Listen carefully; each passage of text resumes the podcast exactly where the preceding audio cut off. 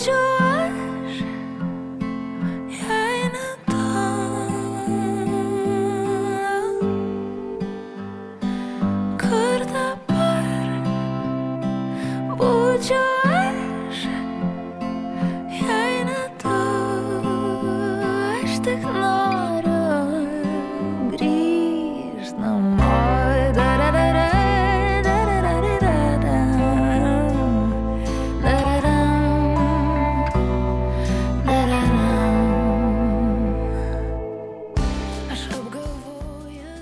Labas visiems. Jūs klausotės Naro podcast'o. Čia Karolis Višniauskas. Visų pirma, su naujais metais visus. Ir šiuos metus mes pradedame nuo muzikos.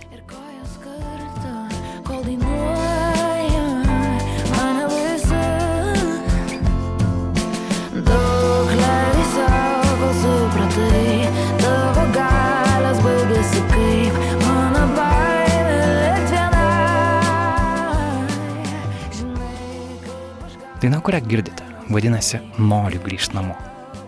Jeigu jos net pažįstate, galbūt atpažinsite šią dainą. Susuk ir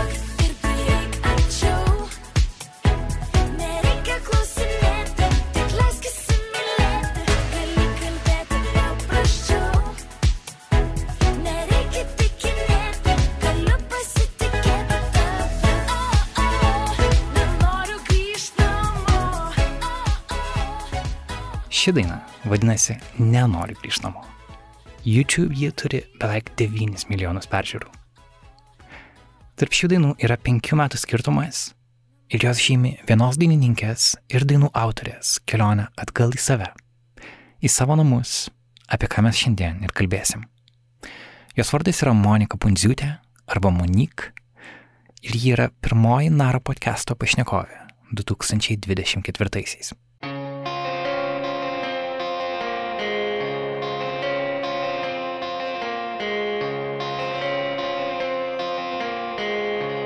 tavo mėlynas akis Ar žiūriu per ilgai? Išgerti jas baigiu Begėdiškai lėtai. Praėjusie metai buvo labai sunkus.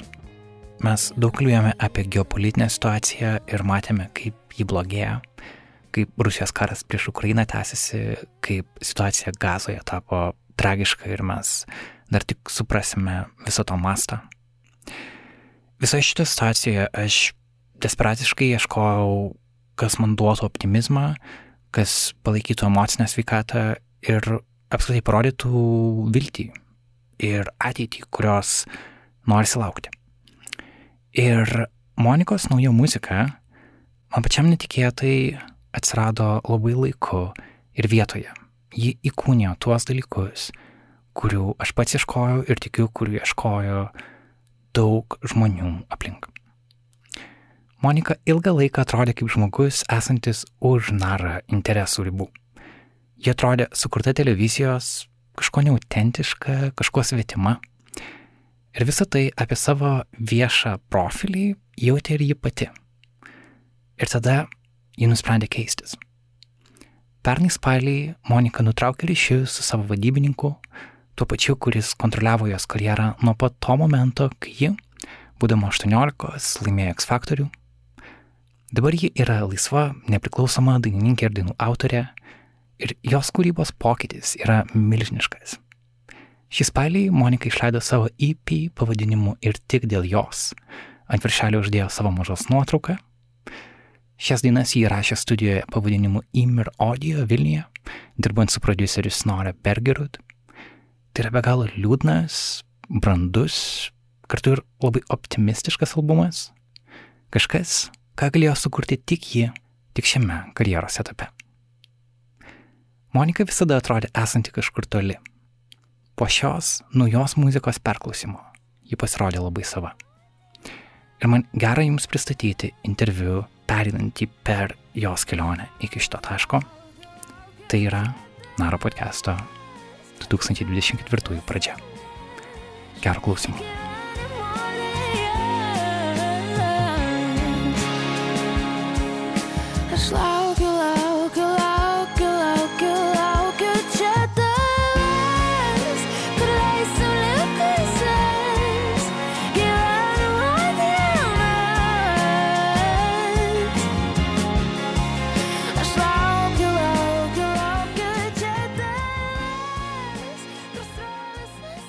Labas Monika. Labas, labas, Karol. Kur mes dabar esam? Studijai, pas mane studijai. Labai džiaugiuosi, kad sugalvom šitą variantą. Taip. Kad būt, būtumėm mano saugioje erdvėje, kur aš jaučiuosi geriausiai šiuo metu. E, Čia matau gitarą, matau pianiną, matau mhm. kompiuterį, matau porą kolonėlių. Mhm. Koks procesas čia vyksta, kai tu esi viena? Čia yra vieta, į kurią niekas neteina, tik tai aš, nebent kažką įsileidžiu, kaip šiuo atveju.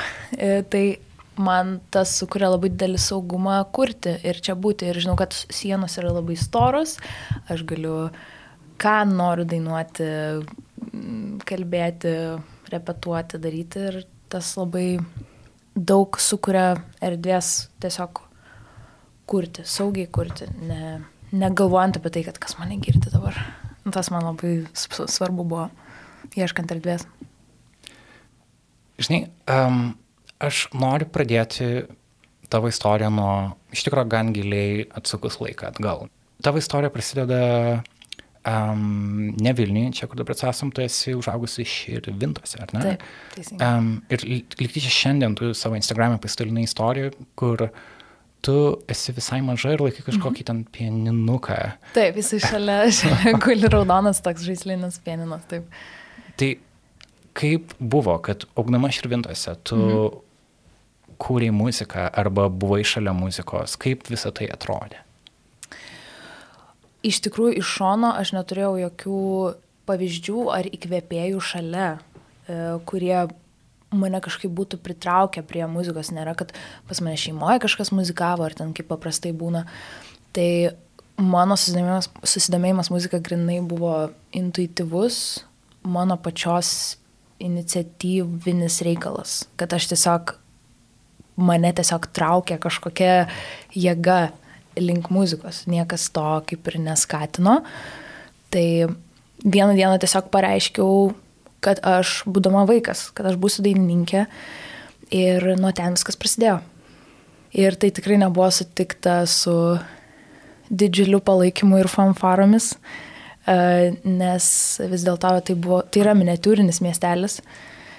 Ir neturint absoliučiai jokių ryšių, nei menkiausio sužuominos į tai, nu tiesiog e, natūralu suprasti, suvokti, kad šansas yra mažas, kad aš tapsiu dainininkė. O kodėl tu norėjai būti dainininkė? Tai va, kad tuo metu aš augau laikotarpį, kai buvo labai švenčiami dainininkai, ne, tarkim, nebuvo didelės kalbos kažkokios diskusijos apie dainų autorius. Ir aš manau, kad jeigu aš būčiau augusi e, dabartiniu metu, kada labiau yra, pirmiau eina į pir, pirmą vietą dainų autorius, o po to jau dainininkas, aš manau, kad aš būčiau sakęs, kad aš noriu būti dainų autorė, nes mane pirmoje vietoje tai, tai žavi ir tai traukia. O tuo metu buvo viskas apie, apie balsą, apie mm. tai, kokias stipres aukštas natas tu gali paimti. Ir e, tikrai buvo topuose Kristinos Aguileros, Celindion. Tai tiesiog man atrodė, kad aš noriu būti dainininkė. Mm. Bet man iš tikrųjų, ką labiausiai patiko daryti, tai rašyti dainas. Tiesiog, kadangi apie tai diskusijos nebuvo aplinkui, aš nelabai tai sąmoningai gilinausi. Bet pasąmoningai visą laiką mane traukia tą daryti pirmiau. Mm. Tai aš to dar tiesiog nesuvokiau. Mm. Man šitą istoriją rezonuoja ta prasme, kad aš pats baigiau mokyklą Marijampolį, gyvenau kaime prie Marijampolės ir ten atsimenu, kai tik turėjom internetą, pradėjo mano vienas pirmųjų tinklalapių, kuriam, kurį pamilau ir kuriam daug laiko praleidau, buvo Music LT, toks forumas, mm -hmm. vis dar gal gyvas. Ir e, ten vykdavo daug diskusijų apie muziką ir aš atsimenu, nerasdamas daug bendraminčių aplink, aš tiesiog daug laiko leisdavau internete ir atrasdavau daug įvairių grupių ir man jos būdavo labai... Šiaip patikdavo pati muzika, taip pat patikdavo, kaip jie atrodo, kaip ką mm -hmm. reprezentuoja, kažkaip taip. atrodė, kad um, kažkoks vat, pasaulis, kuris tau fiziškai yra nepasiekiamas. Tavo atveju, kaip buvo, kaip tas mažo miesto mentalitetas ir domėjimasis muzika, kaip tai su, susijungia, nes po to, kai mes jau tave pamatėm televizijoje, jo. tu atlikai tada ten Ed Sheeran dainą iš pat pradžių, buvo daug kitų atlikėjų, tu atrodė, kad tai yra atrodo, kad tas pasaulis tau yra pažįstamas, mhm. nors tu galbūt niekada neturėjai šanso keliauti po, pamatyti koncertų didelių ar Taip. panašiai, bet tu jame kažkaip jautėsi savo. Aš noriu, kad tu apie tai daugiau papasakotum. Mhm. Koks buvo tavo muzikos at- at atradimas? Aš muziką iš pradžių tik susipažinau, tai aišku, per e, tai, ką mama turėjo, ką, ką jinai klausydavo ir e, interneto vėlgi ne, neturėjom nuo pat pradžių. Aš turbūt 12 metų pirmą kartą prie interneto prisijungiau, tai jau buvo į paauglystę link ir atsimenu vieną momentą, vienintelę dovaną atsimenu, kai bu- gavau vaikas, e, kai buvau vaikas, ką gavau, tai yra CD. Ir e, daugiau, man atrodo, nieko nebereikėjo, tai O kas tame buvo? Selindion. Okay, okay. ne, ne, nebuvo gal mano kažkoks labai, nežinau, pasirinkimas, nebuvo, kad aš ten labai daug e, kalbėčiau apie ją, bet, na, žinoma, man nu, didelį įspūdį darė uh, toks balsas, kokią pati akivaizdu neturėjau ir, ir mano balsas į tai ne, neužaugo, e, užaugo viškai kitą pusę, bet uh, vis tiek kažkokios pagarbos uh, jaučiau, jaučiau tam, tam talentui ir tam menui ir uh, taip, taip dainuoti ir taip reikšti emocijas, bet pati vis dėlto nuslydau į, kitą pusę. Tai tas vat, mažo miestelio uh, mentalitetas tikrai didelį, padarė didelį įtaką ir uh, tuo pačiu ir mano mamai padarė didelę įtaką. Aš manau, um, mes turim labai labai gražų ir gerą ir didžiulį santyki. Visą laiką jaučiausi mylima jos, bet kai pareiškiau, kad aš būsiu dainininkė, aš nesulaukiau iš karto palaikymo. Buvo toks labiau um, atsargumo.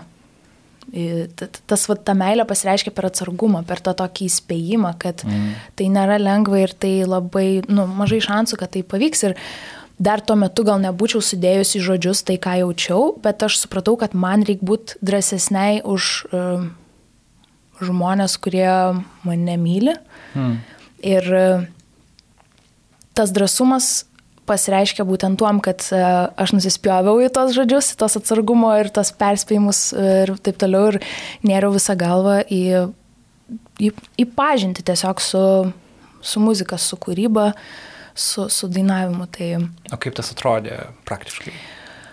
a, tai buvo tiesiog ne, nesuskaičiuojamas valandas leidimo prie pianino. Aš turėjau akustinį e, juodą pianiną savo mėgamajam stovintį šalia lovas, tai aš tenai daugiau laiko leisdavau negu, prie, negu bet kur. Negu su draugais, negu prie kompiuterio, ten ar e, kas, kas nežinau, normalu yra Mhm. mažam vaikui. O ką, ką tu rasdavai tame pieninė? Kuo tas laikas tau patikdavo? Aš tiesiog, man ten, man ten jisai tirpdavo.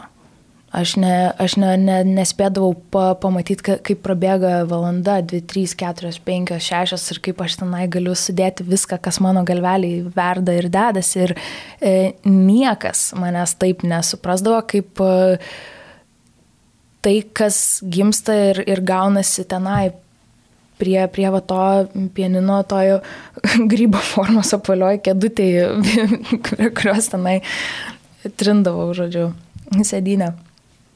Bet ką groji, tyrinėjai, tas ir yra gražu, kad ten nėra kažkokio blogo, tai yra teisingo ir neteisingo pasirinkimo, kai groji. Mhm. Yra Mhm. tiesiog pasirinkimas. Ir kad ir kokias natas suspausi, jos visos bus teisingos, iš esmės. ne? Tai mane tas labai žavėjo, kad aš negaliu, aš nėra tokio dalyko kaip su, suklysti grojant. Tai mane tas guodė labai. Kaip tas pianinas apskritai atsidūrė tavo namuose? Pradėjau lankyti muzikos mokyklą. E, Iš tikrųjų pradėjau nuo smuiko.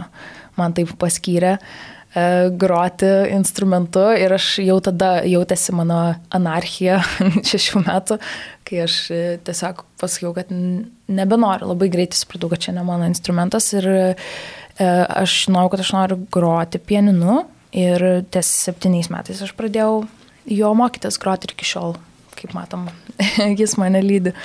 Ir Nu.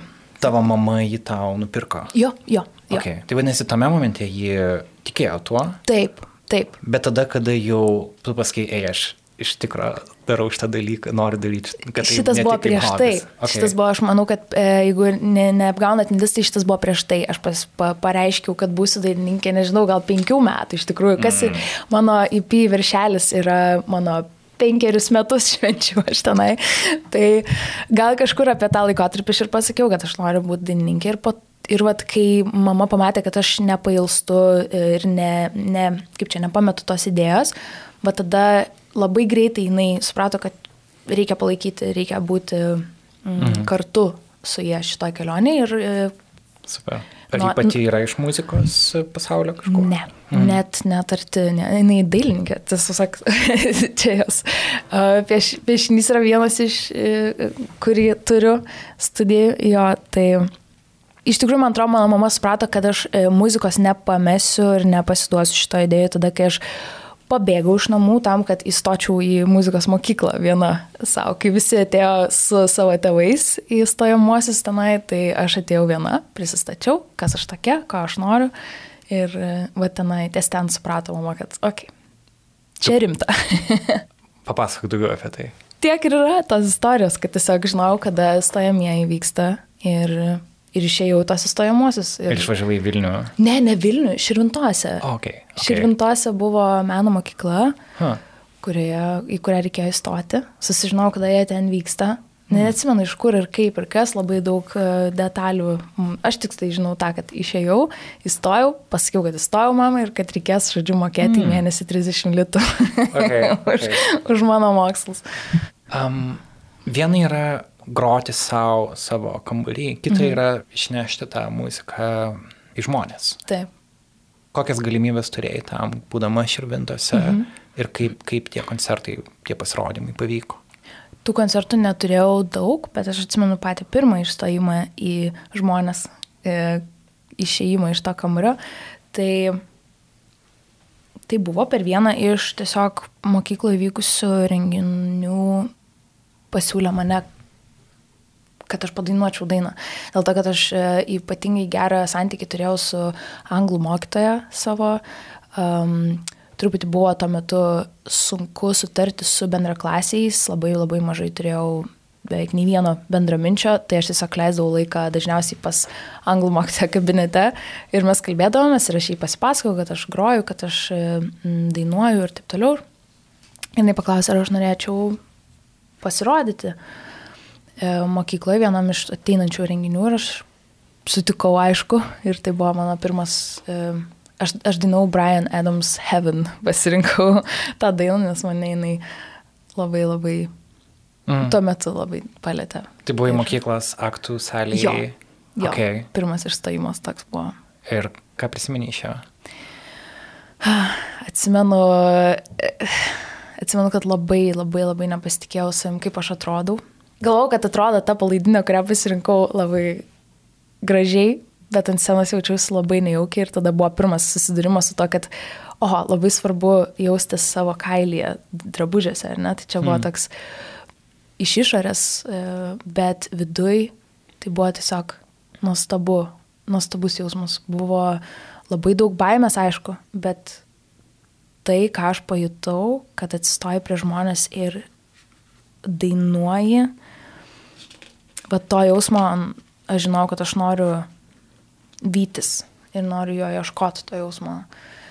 Um, atrodo, kad atsirado prasmė. Tiesiog, kodėl aš čia? Visi tie vaikiški, kodėl čiukiniai klausimai uh, buvo atsakyti, atrodo, Hmm. iš karto. Man buvo aišku, dėl ko aš čia esu, šitoj, ant šitos žemės, žemelės. Ir tada būdama paauglė, tu mm. išvykai į Vilnių. Taip. Mokytis konservatorijoje, Taip. kas irgi yra drasus žingsnis. Mhm. Esant iš mažesnio miesto, atvykti į Taip. Vilnių, įtariam mažai ką pažįstant ten. Nieko. Ir kodėl tu nusprendai tai daryti ir kaip Mhm. tau sekės, ką prisimeni iš to laiko. Aš atsimenu, kad e, vėlgi e, ta situacija su bendraminčių neturėjimu, jinai vis blogėjo. Jinai buvo labai labai stipriai blogėjanti situacija su kiekvienais metais mokyklai ir e, kuo toliau, to vis mažiau buvo man tenai paskatos likti iš esmės. Tai mm, mano mamos draugai tiesiog mano mamos draugė jai pasakė apie tokią vat, galimybę, kad yra konservatorija, pa- panašu, kad jinai stipriai yra linkusi į muziką, kodėl jos tiesiog ne, neišsiuntus tenai, e, kur jinai ir bus tarp savo bendraminčių ir to pačiu darys tai, ką jinai panašu nori daryti su savo gyvenimu. Tai aš iškart sutikau. Man atrodo, čia labai stipriai charakteris e, atsiskleidė šitą vietą, nes aš esu už pokyčius gyvenime, jeigu jų reikia ir aš ne, nebijau jų. Em, Jeigu man atrodo, kad jų reikia, tai e, ir kardinalių pokyčių aš nebijau, bet tada prieš paskutiniais metais, nes nuo 9 klasės konservatoriją galėjai, tai 8 klasės man viskas staiga pasitaisė. Staiga aš turiu draugų, staiga aš kažkaip jau kažkas nutiko. Ir man buvo su, sudrebėjusi kojos, Hmm. galvoju, gal vis dėlto neiti, nevažiuoti niekur, bet, e, bet mama labai gerai mane pastumėjo su, su žodžiais, kad e, dėl tų žmonių, kurie visus tuos metus mane visai engė, dabar aš negaliu mesti savo e, pašaukimo, negaliu Mm. mesti savo kelio dėl to. Ir jo, ir man tiek užteko, aš tokia, gerai, važiuoju. tai taip ir išleido, išvažiuoti. Mm. Aš noriu geriau suprasti tą Mhm. vis dėlto santykių mokykloje su kitais mhm. žmonėm, nes tu ke- kelis kartus tai paminėjai ir atrodo, kad, um, kad tai irgi tave kažkaip formavo, mhm. bet kartu aš nenor, ne, neturiu tikslo tau dabar prisiminti kažkokias mokyklos, žinai, traumas, yeah. bet kartu matant didžiulį po to palaikymą, kurį tu gavai jaus mm. kaip vie- vieša dainininkė, gali būti yeah. sunku suprasti, kaip būdama paauglė mokykloje mm. buvai nemėgstama. Ar, ar, ar tu dabar jau išsaugusio žmogaus perspektyvas gali pamatyti vertinti, kas, kas dėjosi, kad tu mokykloje jautėsi tokia ne, nesava. Šiaip iš tikrųjų man tikrai labai sunku net ir dabartiniam akim suprasti, kas ir kaip ir kodėl tenai buvo, bet gal, gal aš tiesiog labai aiškiai turėjau savo, nežinau, gal ir požiūrį, ir nuomonę, ir interesus labai jos aiškiai reiškiau ir visą tai gal kažkaip ne, nesutapo su, su, su tuo, su kuo būdavau kiekvieną dieną vienam suolė. Tikrai man sunku atsakyti šitą klausimą, kažkaip e, ne, ne, ne, nesuprantu, tiesiog žinau, kad tai tikrai padarė man didelį įtaką ir po to gyvenime man buvo labai sunku suprasti, kad e, aš visą laiką žiūrėdavau žmonės įtariai tiesiog. Hmm. Pradėjau natūraliai priimti, kad automatiškai bet kuris žmogus, kurį sutinku, manęs tiesiog jau nemėgsta. Hmm. Ir taip paliko labai stiprią psichologinę žymę tame. Tai man e, iki šiol, iki šiol vat, ją bandau išsi, išsilaižyti tą žaizdą, iš tikrųjų. Mm. Tai va, tai po truputį, po truputį jau e, e, pavyksta. Daugelis tave pirmą kartą pamatė per Jo. X Factorių 2015 metais, tu Taip. atėjai tada į atranką ir um, tada pasaulis buvo truputį kitoks, ne? Mhm. Televizija turėjo didesnę galę negu jis turi Žymiai. dabar. X Factorius buvo šiauriai populiari laida. Žiauriai. Ir um, Aš to nesuvokiau beje, eidama tenai. tai va, aš noriu suprasti tą pasirinkimą tavo, kaip tu nusprendė ten eiti, mhm. nes tu buvai ką tik atvykusi Vilnių, ar ne? Galbūt metai praėjo kažkas tokio. E, Bent du tai tikrai. Tvarkoja. Jo. Gerai, tai tu jau esi įpratus būti nauja mieste, Taip. turi daugiau pasitikėjimo savim Taip. ir tu pamatai kažkokį šaukimą į atranką. Kaip, kaip, kaip tai buvo, kaip tu primės sprendimą, kai aš noriu čia dalyvauti? E, Iš tikrųjų, e, buvom, buvo tiesiog choro pamoka tuo metu ar ansamblio ir ansamblio mokytoja buvo iki šiol mes gerai sutarėme, esam draugės e, su viena iš dainininkių. Ir e, mes po, to, po pamokos tiesiog pasilikom pakalbėti, pa, pahengint kaip visada ir e, tuo metu buvo ir mano klasiokė tenai ir jinai pasakė, kad jinai ketina eiti į atranką ir aš neturėjau nei menkiausios mintelės, minties ei- eiti ten kartu. Bet žiūrėjau, mes kalbėjome apie tai, kaip jinai ruošiasi, kaip jinai čia e, pasirinko dainą ir taip toliau ir panašiai. Ir gale to pokalbio kažkaip, o pala, o kodėl tu neini? Man, manęs Mm. paklausė ir aš taip, nežinau. neturiu atsakymo. Tiesiog neturiu atsakymo. Ir tą atsakymo neturėjimą aš priemiau kaip ženklą, kad gal tada reikia eiti. Ir tiesiog, na jau, visiškai be jokio didesnio, gilesnio pagalvojimo, kas man labai keista dabar, nes aš viską įtemptai pergalvoju daug kartų mhm. prieš darydama, bet e, šitas buvo toks visiškai spontaniškas sprendimas. Labas, Ku- kuo vardu? Aš esu Monika Pundziutė. Taip, ir iš kur tu esi Monika? Aš esu iš Širvintų, Taip. bet gyvenu Vilniui. Taip, e, kiek tau metų? 17. Ir ką tu veiki Vilniuje? Tai tu ateini Jo. a, į šitą šou, kuris yra be galo populiarus. Mm. Ir a, tu užlipi į sceną. Taip. Um, tu pradedi dainuot Ed Sheeran Thinking Out Loud. Mm -hmm. Ir maždaug po kokias 30 sekundžių uh, visi tave pamilsta, ta prasme, mm. iš karto. Mm. Ką tu prisimeni iš to, iš to pasirodymo? Aš atsimenu, kad aš iš tikrųjų uh, labai labai bijojau, jau tenai būdama prieš eidama ant scenos, žiauriai bijojau teisėjų, nes aš, turėkime minį, aš gyvenau bendrabutį, e, televizijos iš vis ne tai, kad neturėjau, ne tai, kad nežiūrėjau, aš neturėjau jos, tiesiog ir nebuvau susipažinusi su šita laida ir jos e, įtaka, ir jos populiarumu, ir jos visokiais niuansais. Žinojau tik tai tiek, kad kas tenai sėdi komisijai, tai va tų žmonių labai bijojau Ir šiauriai. tai buvo žmonės, kurie, na, tikrai muzikoje ir hip-hop kultūrai be galo įtakingi. Tai. Marijonas Mikutavičius, Džezų, Samas, Saulis Prusaitis taip, Taip. pat. Um, mm, ok.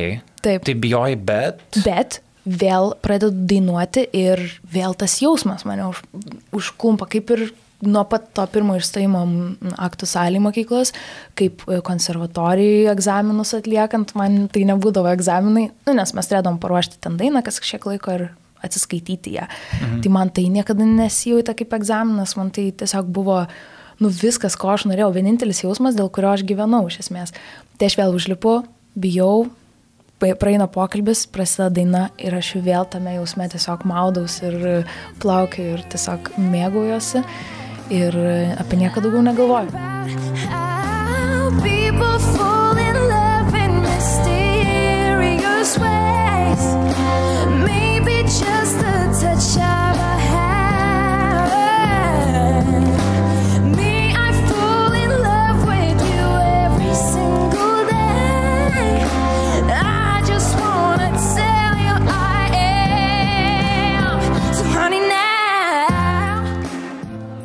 Ir besiruošdamas interviu aš peržiūrėjau tą įrašą, ne, nemažai įrašų iš tavo X Factoriaus. Taip. Um, ir, bet tas pats pirmas su Ed Sheeran daina ir Jo. buvo, aš tiesiog labai toks, kaip ir angliškas žodis, conflicted, aš tiesiog jaučiausi labai conflicted, ta prasme, Aha. kad viena vertus televizijos galia yra tikrai atnešti muziką į žmonių kambarius, namus, kur šiaip jį gal neteitų. Mhm. Ir jeigu tu turi svajonę dainuoti, mhm. tai yra tiesiog nuostabu, nes tu gali dainuoti, tu turi publiką, tu turi sceną ir tu gali tapti žinoma.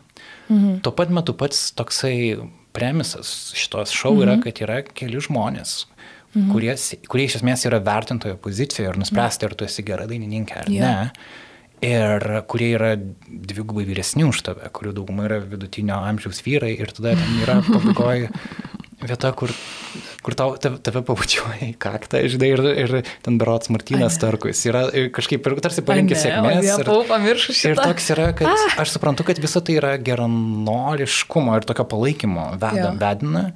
Kartu yra, tiesiog atrodo, kad tie jauni žmonės ten vedami tokie kaip su, suvalgymai kažkokiam ir, ir Jo. tu kažkaip išplaukai iš to ir tau mm, vėliau tu tapai laimėtojo to šou, 70 tūkstančių žmonių balsavo jo, už tave, kai tu gavai 15 tūkstančių eurų prizą, kiek buvo bent jau reportuota iš žiniasklaidoje. Buvo. Tai tu, na, tai, tai yra didžiulis, na, toks karjeros startui didžiulis postumis. Taip. Ir turbūt be to šou klausimas, kaip tavo gyvenimas būtų ir muzi... greičiausiai tikrai būtum likus muzikoje, bet kokiu atveju. Jo, bet galbūt būtų kitoks kelias. Jo.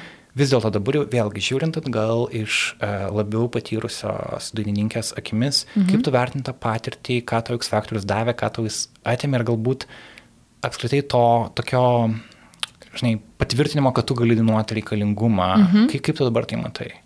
Aš tenai nejau e, ieškodama patvirtinimo, ar aš galiu dainuoti ar ne. Ir aš tiesą sakant labai pavydžiu savo to tokio, o Dieve, nutrukt galviškumo, gal taip jį vardinti, nežinau, nu, kur aš tiesiog negalvoju apie mm. tai, koks ten premisas, kas ten mane į kaktą pabučiuos ar nepabučiuos, kas tenai sėdi, koks jų amžius ir ten įtakos levelis ir taip toliau. Aš tiesiog ėjau ir nieko daugiau apie tai negalvojau. Sakau, tai to tokio kaip patvirtinimo man nereikėjo, ne, ne tai, kad aš ten žinojau, kad aš puikiai dainuoju, kaip tik atvirkščiai, aš nelaikiau savęs kažkokia puikia dainininkė, nes kaip ir prieš tai minėjau, e, aš užaugau ant e, tų didžiabalsių dyvų. Hmm. E, ne tai, kad užaugau visą laiką, bet buvo didelė dalis to ir aš niekada tokio balso neturėjau, tai automatiškai aš galvoju, kad aš tikrai nesu ten kažkokia labai talentinga dainininkė ar kažkaip, bet tiesiog turiu tam tikrus dalykus, kurių, kurie, kurie yra mano, kurie yra man ir aš mėgstu tą daryti, daugiau ne, neklausinėjau, žinai. Tai jo, tai labai geras klausimas buvo dėl to, ką atėmė X faktorius, nes labai daug kas yra klausę, ką davė. Hmm. Ir ką davė, man atrodo, yra akivaizdu. 15 tūkstančių eurų, trampliną į žinomumą, į Taip. tą vat, tokį staigų at, atpažįstamumą, nežinau, vardo kažkokį mhm. sužinojimą. E, tai dėl to aš esu labai labai dėkinga e, tai patirčiai. Šiai dienai žiūrint, yra dalykų, kuriuos atėmė, vienas iš kurių yra tas, tas pats dalykas, kurį ir davė, tai tas staigus išgarsėjimas ir žinomumas. Mhm. Nes dėl to aš neturėjau savo lietos pradžios. Mhm. Aš dabar, jeigu galėčiau rinktis, tikriausiai rinkčiausi lėtą pradžią. Bent jau pabandyti mhm. norėčiau. E, kada tu turi laiko, dar tavęs niekas per daug nežino, dar tave po truputį tik atranda, o tu per tą laiką ieškai savęs muzikoje, koks tu esi savo kūryboje, murgdaisi ir kažką iš to lipdai. Tai man šito gaila, mm, mm. kad aš šito neturėjau. Mm, mm. Kad tu tarsi iš karto yra tas pasakymas up to 11, ar ne, kad jo. tu iš karto į maksimumą patikai, mm. užuot kažkaip lietai iš ko savęs. Taip. Ok, o tai iš tikrųjų, kaip atrodo tas, uh, kaip atrodė tavo atveju karjera po X Factorius? Po laimėjimo e, X Factorius iškart e, atsirado tikrai ne viena kompanija ir vadybininkų krūvos, kurie norėjo dirbti kartu ir man tai buvo didelis šokas. Aš atsimenu vienam iš susitikimų po to šau, aš tiesiog visą laiką pratilėjau ir nei vieno žodžio nesakiau, nes aš negalėjau patikėti, kas čia vyksta, man viskas buvo taip greitai, tokiu, tokiu greičiu viskas vyko, aš, aš, aš nieko dar nesupratau visiškai. O kas, kas vyko? Tiesiog kalbėjimasis apie tai, kaip mane mato, kur mane mato, kokius e, koncertus man čia darys, su, su, žodžiu, toks vos ne penkmečio planas jau man, hmm. žinai, man 18 metų, aš dar noriu aš noriu su draugais išeiti ten, po, paslėpus už kampo, parūkyti, žinai, savo pirmą meilę, e, nežinau, e, nueiti pirmą pasimatymą ten. Tiesiog aš, aš, dar net, aš dar ne apie tai man viskas. Ir aš noriu eiti savo tą 205 kabinetą konservatoriją ir aš noriu tenai rašyti savo mažas gražias dainelės ir tiek, tiek man ir te rūpėjo. E, E, bet va čia jau, žiūrėk, man kalba apie arenas, jau čia aš už penkių metų arenose dainuosiu ir čia dabar reikia išleisti tris albumus per tris metus ir ta, ta, ta, ta, ta, ta, ta. ta. O tai, palauk, vėlgi, supraskime, pačią situaciją, tai, okei, tu laimi šau. Mm. Ir tarsi tu laisva daryti, ką nori, bet mm -hmm. skamba, kad atrodo, tu iš karto tapai kažkieno įtakoje. Kaip, kaip tai buvo, tu pasirašy kontraktą su kažkuo, ar, ne. ar tai buvo įsipareigojimas, šau? Kontrakto tu... tai nebuvo, bet tuo pačiu ir nebuvo nieko, kas uh, ateitų ir pasakytų, kaip gali būti.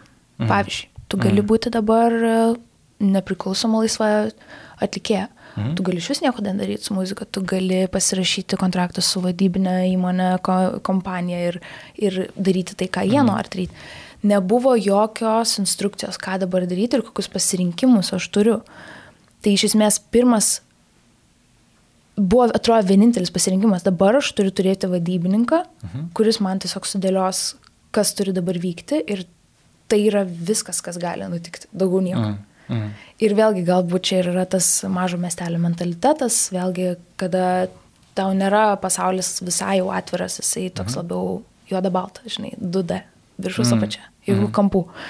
E, tai, tai jo, tai tiesiog kažkaip galvojau, kad dabar privalu yra turėti vadybininką ir, ir turiu dabar kažką čia išsirinkti, jeigu aš noriu toliau su muzika daryti. Ir iš esmės tai buvo toks kaip įtraukimas į e, viesulą kažkokį, kur tiesiog tave, žinai, įsirbė ir viskas, tu jau tenai sukiesi, nieko nebėra a, ką daugiau daryti. Mhm. Tai tu gavai Tai- kažkokį pasiūlymą ar... Jo, ne vieną, ne Okay, vieną pasiūlymą ir aš tiesiog pasirinkau vieną iš jų. Mm. Mm. Okay. Ir, Ir kaip- aš likau su juo septynis metus.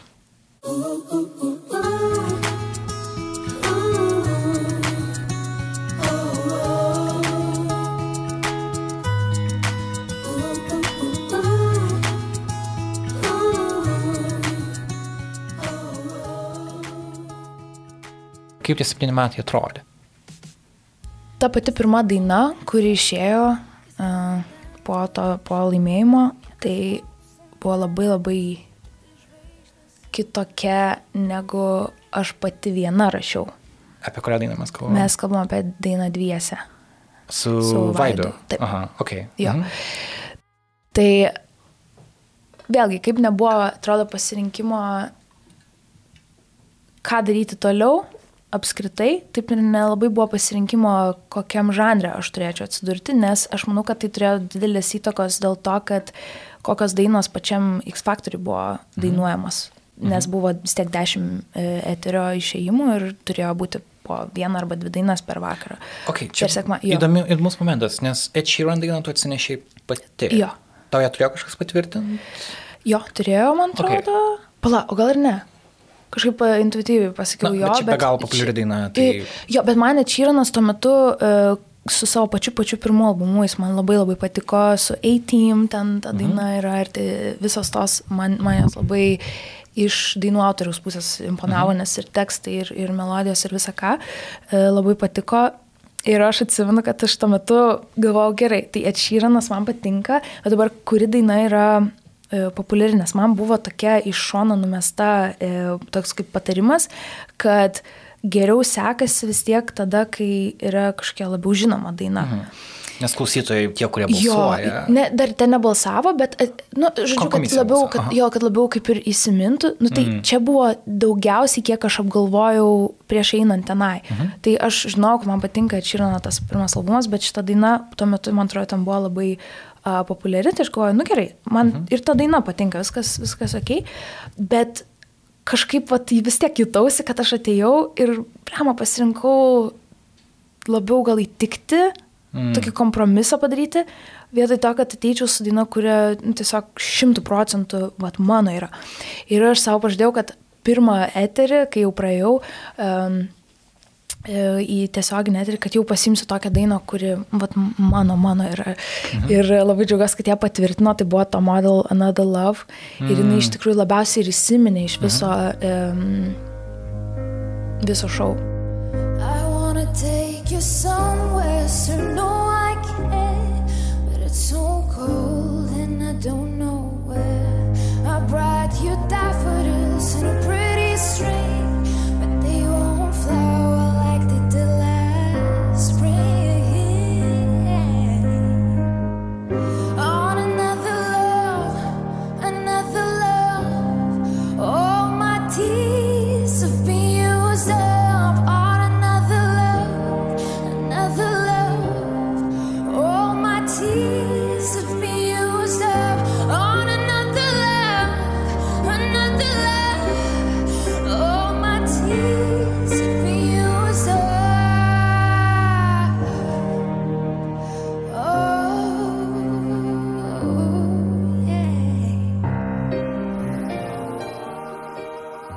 jeigu dabar grįžtumėm prie dviese, mhm.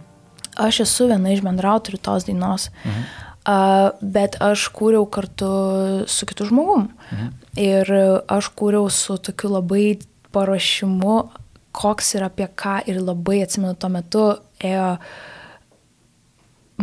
būdas rašyti pagal referensus, mhm. pagal kažkokius, maždaug kaip čia turėtų skambėti, maždaug kokia čia daina turėtų būti. Tai man tai buvo labai svetima, bet... Referencinant aš... į ką? Tiesiog į tuo metinės populiarias dainas. Mm. Ir, ir neatsitiktinai uh, jos tiesiog supanašėjo. Visos. Tai tas būdas uh, man buvo labai svetimas ir tos dainos, kokias aš rašiau viena savo, labai skiriasi nuo tų, kurias galiausiai leidau ir išleidau po Monik vardu. Ir kuo toliau, ir ypač kokią reakciją jos susilaukė, tos išleistos dainos, tarkim, dviese iki šiol yra turbūt populiariausia iš vis daina po Monik vardu. Neįtikėtinai populiari. 23 milijonai. Kažkas, kažkas tokio, kaž, čia tikrai yra viena iš populiariausių apskritai lietuviškų Aha. dainų. Bet uh, kadangi buvo tokia reakcija nuo pat pradžių ir kadangi tai skiriasi labai stipriai nuo to, ką aš dariau, mhm. aš po truputį vis tolau nuo to, ką aš darau, nes man kažkaip automatiškai atrodė, kad kadangi a, ką aš darau skiriasi, mhm. vadinasi, tai nebus, tai nėra gerai. Mm. Jeigu supranti, ką, jo, turiu omeny. Jeigu ta pirma daina buvo tokia sėkminga, jo. tai tarsi suponuoja, okei, okay, mes turim tą šitą kryptį, nes šitą kryptis veikia, Taip. bet jeigu nuo pat pradžių tai nebuvo kryptis, kurią tu gerai jautėsi, mhm. tada kuo labiau tą kryptimį ne, Taip. To, tuo, tuo sunkiau tau tave kažkaip viską tą traukinį atsukti, gal ir taip, ei, taip. aš noriu iš tikrųjų daryti šitą. Taip. Nepaleisk manęs.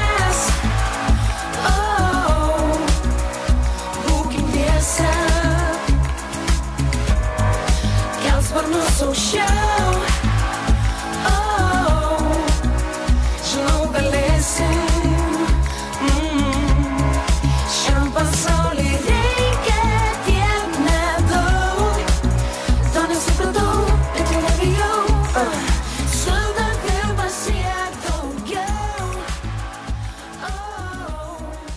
Ir ar gali būti, kad čia dar susijęs su tuo, kad tu pradžioje minėjai, kad tą skirtį tarp dainininkės ir dainų autorės, mhm. kad galbūt tu buvai matoma labiau kaip dainininkė negu kaip dainų autorė. Taip. Ir aš manau, kad jeigu aš būčiau turėjusi tą lėtą pradžią, kur aš tiesiog ieškau, kaip aš kuriu ir leidžiu savo dainas ir dainuoju, tada galbūt būtų buvęs kitoks požiūris į, mm. į mane, bet kadangi labiau mane pirmoje vietoje statė kaip dainininkė ir netgi, kas man yra keista, e, tos dainos, kaip jos buvo įrašytos, jos nebuvo įrašytos taip, kaip aš tiesiog dainuoju. Labai buvo daug rėmų aplinkui tai apstatyta, kad negalima ten daryti tam tikrų dalykų, taip dainuoti, nes tai yra nekonvenciška ir tai tiesiog nebus atkartojama iš esmės. O tai reiškia, kad nebus pagaulų. Mhm. Tai noriu grįžti namo savo naujo IP dainuoju, aš apie tai maždaug ir dainuoju, kad uh, aš tiesiog tolau nuo to, kas, kas aš esu, kokią muziką aš noriu rašyti, kur aš noriu save kaip kurie tyrinėti. E, kuo toliau su kiekviena išleista viešai daina mes ėjom, tuo aš toliau nuo savęs ėjau. Nes tai labai skiriasi nuo to, ką aš, ką aš dariau. Kažkaip skamba tarsi tu tampi įrankiu tokiai visai komandai, nes būti muzikant yra ir komandinis darbas, ar ne? Yra, yra, yra E, daug žmonių, kurie sukasi aplink tave ir nuo kurių iš esmės tu, tavo sėkmė lemia ir jų sėkmė, ar ne? Taip, jų, nežinau, taip, taip, taip. Um, įtaka, jų gal galia finansinė situacija ir mm -hmm. dėl to skamba, kad tu labiau tapai kažkokį įrankių visai tai sistemai veikti, užuot mm -hmm. tą sistemą valdžius pati. Taip. Taip, ir tas žodis įrankis labai taiklus, aš net nežinau, toks, kad Mano dienoraštį skaitai. Būtent šitą žodį aš vartoju. Iš tikrųjų, kad savo pati apibūdinčiau, kas čia įvyko ir taip toliau. Panašiai ir dar, kas yra svarbu pabrėžti, kad būnant veiksmų sukūrio centre, tu pats net nesupranti, kas vyksta tau ir kas mhm. aplinkui tave vyksta ir kad tu tas įrankis esi. Tu tuo metu tiesiog iš eigos darai dalykus, tiesiog elgiesi, kaip atrodo tą akimirką geriausiai elgtis. Ir aš turėjau labai didelį norą į patikti žmonėm. Hmm. Sutrieškė pirštas. Nes tiesą pasakiau. Uh, labai, nu, nu, vėlgi, tai kontekste svarbu Jo. yra su praeita, nu, su vaikysės, paauglystės istorija. Aš, aš labai norėjau patikti žmonėms ir uh, ne, gal net tiek įtikti, bet tas eina kartu su paketu, ar ne? Kai...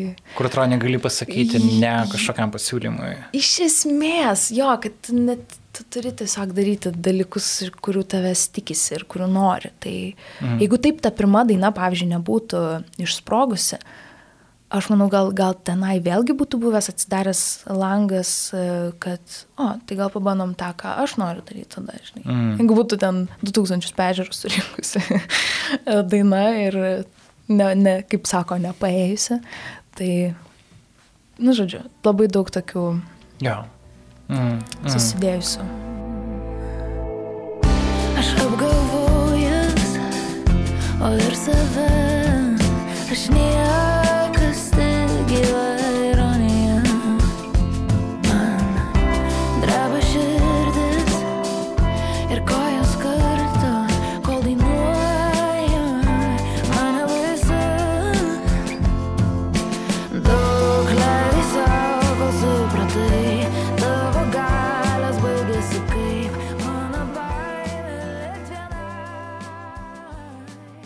Tu savo naują albumą dainuoji, tu, pačiai pir, pirmoji. Ten yra nemažai ir tokių nuorodų į tavo ankstesnę kūrybą. Pavyzdžiui, Taip. kada tu mini dainą e, Man nebaisu, ar ne? Ko- Kad tau iš tikrųjų buvo baisu ją dainuoti. Kaip man gerai girdėti, kad kažkas, Bet kad tai yra gan- atkreipė dėmesį į tai. tai yra gan, tiesąkant, taip sakant, čia padėtas. Ten Tikrai, nė- Nėra ten bet- daug ką narpliot. Ne, nėra, tenai nėra metaforos, bet man tiesiog smagu, kad nu, atkreipia dėmesį į tai, žinai, nu, kad pirštų parodo, va. Aha. Ir vėlgi, tai nereiškia, kad kažkas labai blogai buvo su ta man nebaisu daina, kuri Ne. šiaip yra puikia daina, bet Yra tiesiog tu jauti, kad tai nėra tavo tiesa.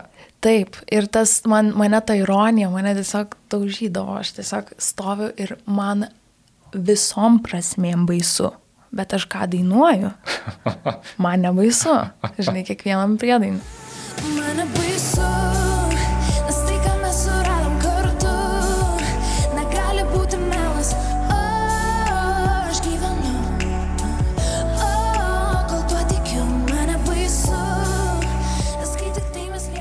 Man atrodo, tai buvo toks geras atspindys visų tų septynių metų, kad aš vienaip jaučiuosi, kitaip elgiuosi. Mhm. Vienaip jaučiuosi, kitaip dainuoju, vienaip jaučiuosi, kitaip Taip. sakau ir šneku ir darau. Ir, o Dieve, kiek daug tokių buvo momentų, kur aš, aš taip nesijaučiu, kaip sakau. Ir, ir, ir akise, jeigu įsižiūrėtum, tenai kažkas rėkia už jų. Jo, čia turbūt ir ta didžiulė drama yra, kad galbūt yra daug žmonių, kurie jaučiasi, kad jie gyvenime daro kažką, ką nenori daryti. Ir e, tai yra, mes nuolat keičiamės, galbūt mums atrodė, kad darom, kas patinka, po kurio laiko mm. supranti, kad ne. Bet kada viskas yra vieša, kada yra lydi daugybė mm. interviu, fotografijų, e, tai kažkaip yra ekstra, na, būt, būti vie, viešu ir nesijausti gerai, nors mm. tuo pat metu tarsi turi turi parduoti tam tikrą tokią ge- gerumo, smagumo iliuziją, tai, būdama pop scenai. dieve, ypač pop scenai, ta prasme, tu negali, negali būti kažkoks tai nelaimingas. Tu turi visą laiką būti, nežinau. O tai kaip tu, kaip tu būdavai? Ta prasme, kaip, mm. kaip tu, tu tarsi įdavai kažkokią, nežinau, kažkokią rolę. Iš pradžių tu tiesiog matai pavyzdžius aplinkui ir kas, kuom tu turi būti ir, ir po truputį tu prisijaukini, neprisijaukini, gal ne tas žodis, bet labiau pripranti e, tą kaukę būti užsidėjęs. Tau mm. jinai tampa kaip antra oda kažkokia, kurią tu gali nusimti tik tai vat, grįžęs namo, būd- būdamas tarp savo keturių sienų. Tai man buvo neįtikėtinai didžiulis keistas jausmas, kai aš išleidau savo naują, e, savo pirmą IP, e, kad aš tą pačią dieną išėjau į gatvę ir aš jaučiausi, kad pirmą kartą žmonės mane mato Hmm. kaip mane, be tos kaukės, be tos antros odos, o tiesiog kokia aš esu. Man, nežinau kaip jie apibūdinti tą jausmą, bet toks jausmas, kad visus tos metus anksčiau aš bijodavau žmonių tiesiog gatvėje arba tiesiog būti atpažinta dėl to, kad aš viduje jaučiaus, kad aš meluoju visiems ir kad mm. manęs tiesiog nemato, kokia aš esu. Ir kai kalbasi su manim ir kai žiūri mane, jie nemato manęs. Mm. Ir tik aš tą žinau. Ir tada, kai į tas įpy išėjo, man toks palengvėjimas nutiko. Aš tiesiog pradėjau šipsotis atgal žmonėm. Pagaliau. Nu, tai va, tai tikrai labai Mm. išlaisvinantis jausmas buvo. Koks buvo kažkoks lowest point, kuriam Mhm. supratai, kaip viskas, aš nebegaliu šitą daryti, aš turiu kažką keisti. Mm. Buvo toks. Kas, kas įvyko? Uh, įvyko įvaizdžio pokytis. Atsimenu, buvo vienas labai labai ryškus pokytis, kai paskelbėm apie koncertą kompensoj. Futuristic tematika buvo, kai aš užsidėjau blondinišką peruką, kai įlindau į sidabrinius šarvus. Tai čia ir vėlgi dar vienas referencas į dainą. pačią dainą, taip. Jo, Toks- auksiniai plaukai, Taip, taip. sidabriniai šarvai. Vėlgi, ne, nereikia daug e, Jo.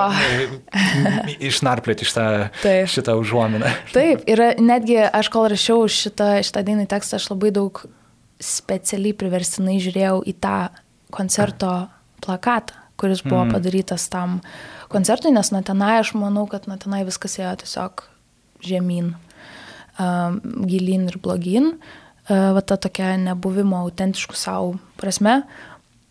Nes iki tol dar, dar buvo, dar, dar galėjai rasti užuominų to, e, tos tikros, to tikro mano mhm. kažkokio mhm. skonio ir polėkio ir taip toliau. Tai, tai va ties tenai. Ir mes ėjom iki pat Eurovizijos ir o tas tarpsnis nuo to kompensos koncerto iki Eurovizijos, man atrodo, buvo pats tamsiausias, pats man asmeniškai blogiausias. Ir po Eurovizijos aš supratau, kad viskas. Hmm. Nebegaliu daugiau.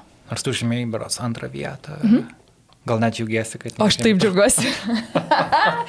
Oi, Dieve, man buvo šventė, aš šau šampaną, kad aš neišvažiavau. Tai kas yra labai liūdna šiaip. you make the pain go away. Let me be the one, make me human.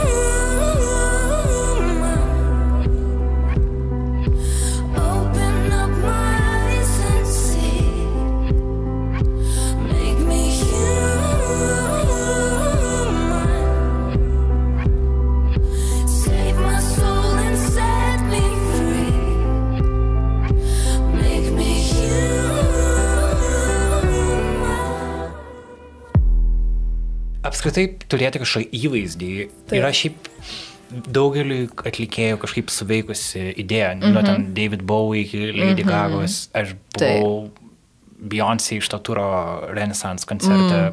Lenkijoje. Irgi- Blogas garsas. aš irgi buvau ten. Labai blogas garsas. Buvo labai blogas Bet, garsas. ta prasme, ji turėjo personą ir nekeitė tas personas koncerto Wow. metu. Ja.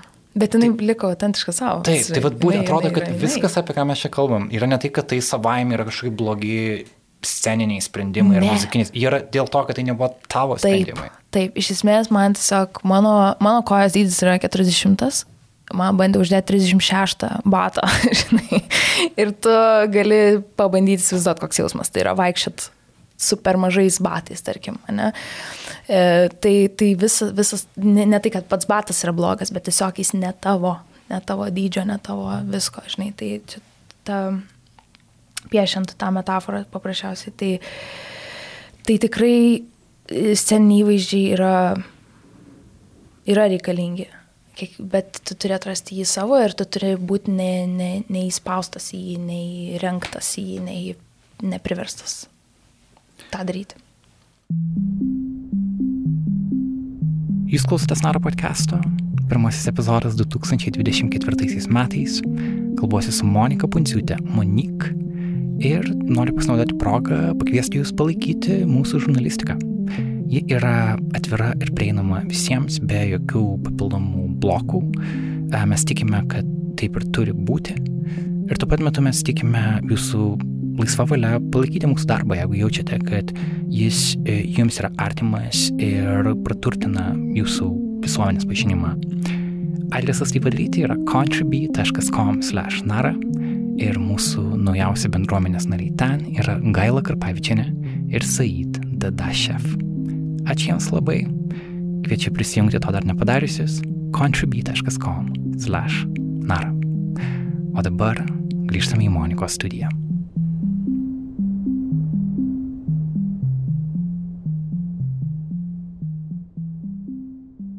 Ok, Monika, grįžtam. Um, kaip jauties? Gerai, labai gerai. Aš, jo. Ok, ir aš kaip žurnalistas e, galvoju, kaip aš pats jaučiuosi, nes tavo šitą istoriją, na, kiekviena transformacija yra kažko, kažko dramatiška, yra Taip. kažkas mm, tokia kaip herojaus kelionė, kurią tu eini ir joje visą laiką yra tai, kas vadinama villains, ar ne kažkokie žmonės, Jo, kažkokie, kurie, kurie yra tarsi, kuriuos reikia veikti ir čia um, aš ir pats, kadangi visa scena yra labai maža ir nesinori kažkaip kad žmonės, kurie nėra villains, galvotų, kad yra villains ar panašiai. Taip, taip, tai, tai čia vėlgi kažkaip norisi pabrėžti, kad kai- kaip aš suprantu tavo istoriją, ji nėra apie... Mm, e, ji iš esmės yra apie tavo kontrolės atsiemimą Taip. savo. Ir galbūt netgi persvarstymą, kas iš tikrųjų yra sėkmė. Taip. Nes grinai konvenciškai žiūrint, tu buvo, tavo karjera buvo be galo sėkminga. Mhm. E, įsivaizduoju, net tas pats koncertas kompensai, apie kurį kalbėjome, aš įsivaizduoju, kad jis buvo gerai parduotas bilietų prasme. Mhm. Šiaip iš tikrųjų vidutiniškai. Labai. Rimtai? Ok. Jo. Vidutiniškai ir aš manau, kad čia irgi buvo viena iš priežasčių, nebuvo jis prastai parduotas, bet jis nebuvo kažkoks ten soldautinis ar dar kažkoks. Aš manau, kad viena iš tų priežasčių buvo ta, kad e, žmonės pradėjo užuosti. Kad aš ne, nesakau čia tiesos, kad aš nesu čia tikra, kad e, viskas yra sufabrikuota. Ir aš manau, kad tų pačių dainų, e, dainu, tas pačias dainas dainuojantis žmogus, kuriam tai yra natūralu ir kuriam tai yra, kuris gali rasti save tose dainose, jisai visai kitaip parduotų tą patį koncertą. Hmm. Jeigu suprantate, ką jo. kad e, jeigu gerai išsireiškiau, kad, žodžiu, manau, viso ko esmė tikrai nėra kalbėti apie tai, kad dainos buvo kažkokios blogos, jos visos yra geros. Kas buvo blogai, tai kad ten nebuvo mano širdies. Jeigu taip. Mhm. Taip. E, muili- muilo operiškai pasakius, žinai.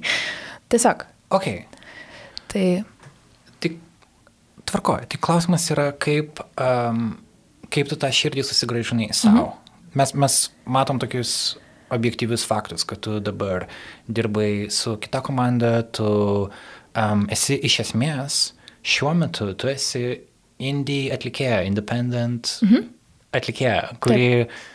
nėra, netgi tavo Warner Music kontraktas, kuris... Kuris baigėsi? Jis, jisai baigėsi. Kas Taip. čia dar prisimant tą se- seną tokį didėjai labelai versus ten Jo, jo. indie labelai. Čia tu jau, tu esi, tu perėjai iš didelio labelo į darbą Indie. su savim. Iš Taip. esmės, tai tikrai yra dramatiškas pokytis. Mhm. Ir uh, aš noriu suprasti tą procesą, kaip jis tau pačiai vyko, kaip tu jį prisimeni. kurią dalį dabar tiksliai? Ta, su labelu ar ne? Um, tiesiog, ties tiesiog susigra, susigražinimas savęs į savo... Tai, kad įvyktų šitas Ai. EP, mm -hmm. turėjo būti kažkoks kelias iki to, Okei, buvo kažkokie svarbus, svarbus taškai. Taip. Ir čia aš tikrai labai abstrakčiai formuolo klausimą. Ne, tiesiog, matai, nu, daug metų tai apima, tai Taip. kadangi kiekvienas iš tų... žinai, Eurovizija buvo 20 metais. Taip, Dar ir taip. 23 metų gal. Tai va, tai, tai e, kiekvienuose tose metuose buvo po kažkokius ten lūžius ir etapus ir sus, mhm. susivokimus, supratimus. Tai va, Ok, tai pabandom per juos. jo. Um, tai po Eurovizijos e, aš prasidėjo karantinas beveik iš karto ir taip jau sutapo, kad ir to laisvo laiko atsirado begalė ir aš tuo pačiu momentu supratau, kad um, aš nebegaliu taip tęsti. Aš tiesiog turiu arba nebedaryti muzikos, arba aš turiu daryti tai, kur eiti ten, kur man širdis diktuoja, iš esmės, kur aš norėčiau būti. Tai, e, nu, visi suprantam, kad e, jau kai esi pašauktas kažkokiam dalykui, tai jau nuo jo nepabėgsi, kad ir kaip gali apsmetinėti, kad nori, e, arba ten reikia. Bet e, tas, kad buvo begalės laiko, man buvo vienas iš esminių lūžių, nes mes su mano draugu, kuris yra produceris, e, užsidarėm ir tiesiog kiekvieną dieną nieko daugiau neveikėm, tik tai rašėm dainas. Ir mm. jisai labai palaikė mane, kad, kad aš, jisai vėlgi girdėjo, kokias dainas aš rašau ir kaip aš noriu e, daryti tai, ką, ką noriu, e, atgauti savo balsą, rodyti savo dainas, e, jisai tą labai palaikė ir suprato, kad e, čia tam reikia tiesiog daug, daug rašymo, daug darimo e, ir neleidimo nieko mm. į, į viešą erdvę. Tai mes prirašėm šimtais dainų. Mm. Ir tas man buvo kaip tiesiog pratybos. Prisiminti, apie ką aš buvau anksčiau. Kokias aš dainas rašiau anksčiau ir kokias aš dainas užmečiau ir pa, pamečiau vardant to, kad e, būtų arčiau to, ką aš leidžiu. Mhm. To, kokios dainos yra populiarios ir kokios, iš kokių, kokių iš manęs tikisi. Tai aš netgi ir taip trumpam grįžtant į ankstesnį laiką, kad kai aš supratau, kad tos dainos populiarios, jos jų norima, jos grojamos ir klausomos, aš netgi ir savo rašymą dainų pradėjau po truputį įrėminti ir, ir tam, pagal tam tikras taisyklės pradėjau daryti ir neberašyti dainų taip, kaip aš intuityviai, natūraliai rašyčiau. Pradėjau galvoti apie hukus, apie ten kažkokius... E, snapsus, nes jų reikia, žiūrėk, čia, žinai, kiekvienoje dainoje fo, formas tų dainų. Nu, žodžiu, viskas turėjo būti apie uh, draugišką radijų formatą.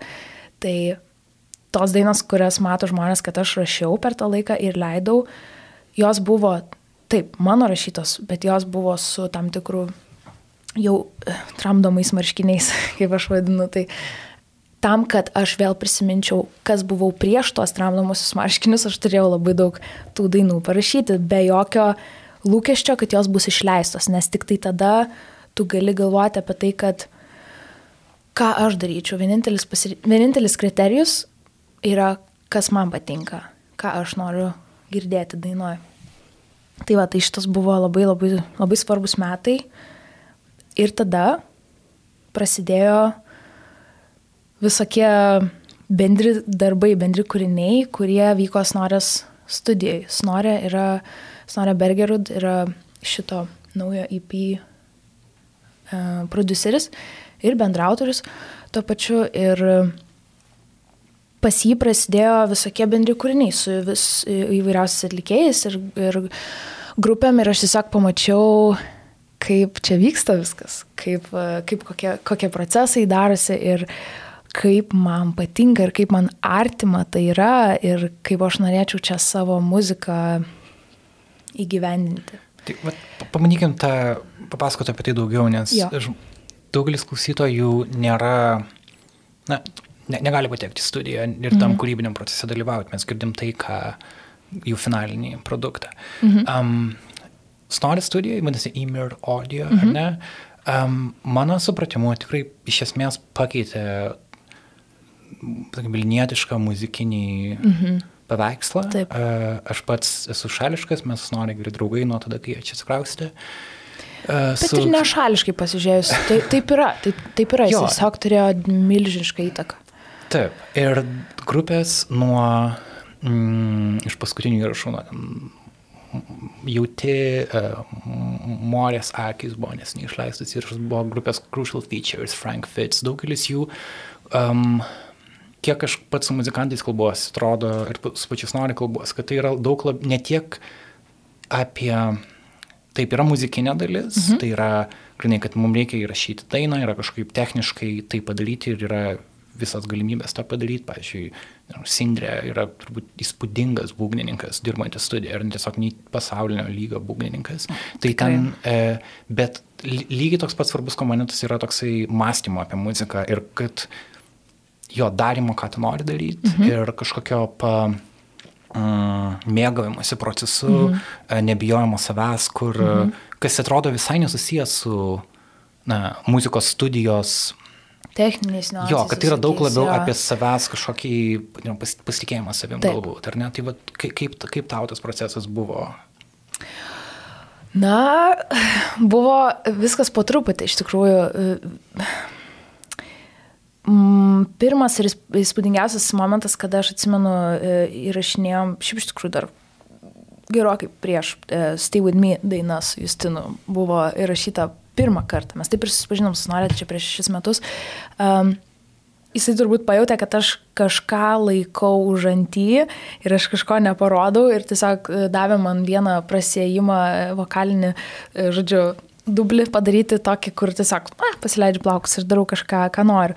Ir taip aš tuo metu sudainavau tą bridge vietą toje dainoje, kur yra ten toks kylantis viršų e, melizmas. Tai aš jį būčiau aš kaip čia buvau nusiteikusi, kad jį išims, nes aš tai buvau įpratusi, kad vis, mm. visi šitie dalykai, jie yra nekonvenciniai, jie yra nepagaulus, jie yra, nei, nu, žodžiu, jos niekas negali jų atkartot, vadinasi, jie negali būti pop įrašę. Mm. Tai aš buvau įsitikinus, kad aš tiesiog vailioju ir jį ištrins. Ir jisai tą galtinę įrašę pasiliko. Ir aš nesupratau, kas čia buvo. Nes aš buvau pratus, kad tokius dalykus ištrina tiesiog dažniausiai.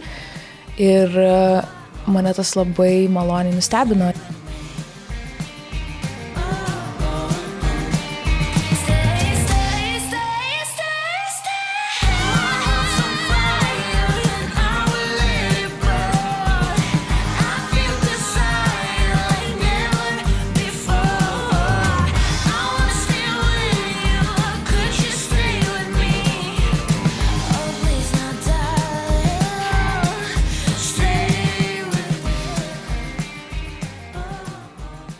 Mane tas labai kažkaip paveikė, kad, oho, okei, okay, tai mane pirmą kartą užkabino šitas momentas ir po to, kai po keliol, kelių metų e, grįžau į studiją vėl dirbti su Snorė, vėl panašus dalykai pradėjo dėtis, kur aš tiesiog padarau kažkokią um, nesąmonę, pavadinkim ją taip, man tai atrodė, kuri tikrai bus ištrinta ir nepanaudota ir ją vėl palieka. Ir ją mm. vėl išskiria kaip kažkokį tai, wow, gerą dalyką. Mm. Ir aš tada pradėjau suprasti, kad tai vis dėlto galbūt tai, ką aš galvoju apie save ir savo kūrybinį indėlį, gal jis nėra vis dėlto toks nereikšmingas ir nereikalingas ir kažkoks, nežinau, ar kaip apibūdinti. Mm.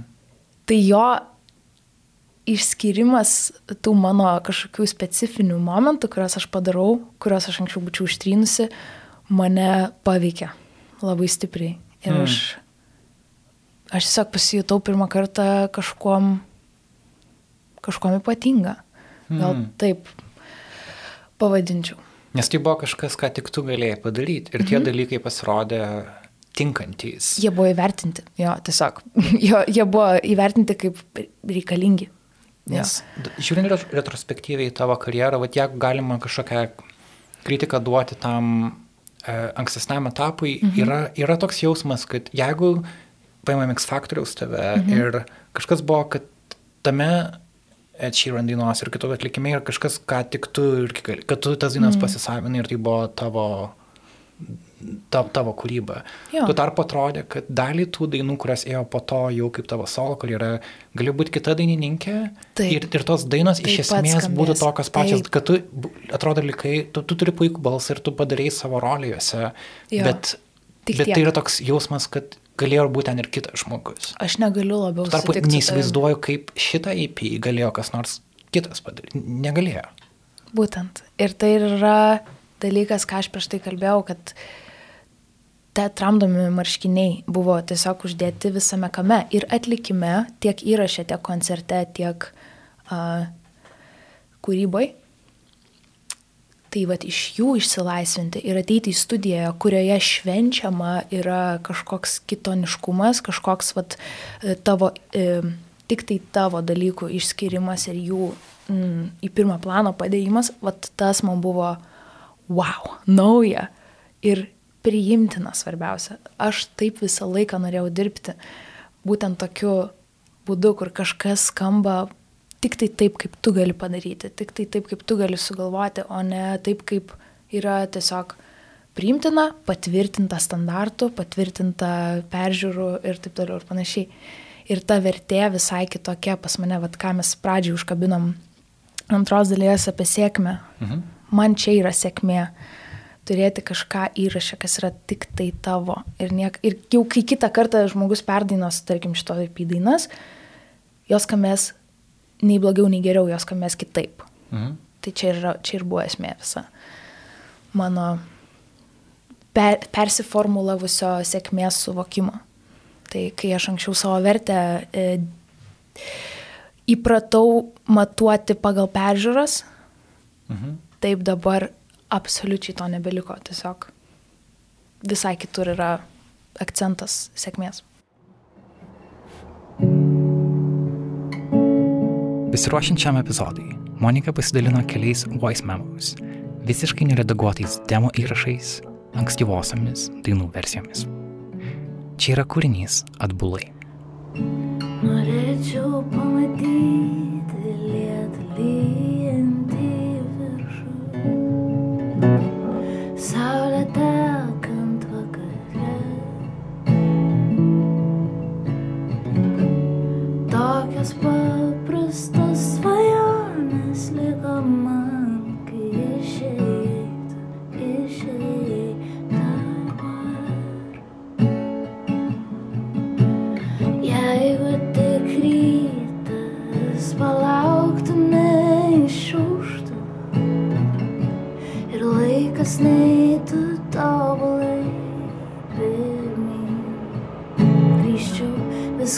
viską,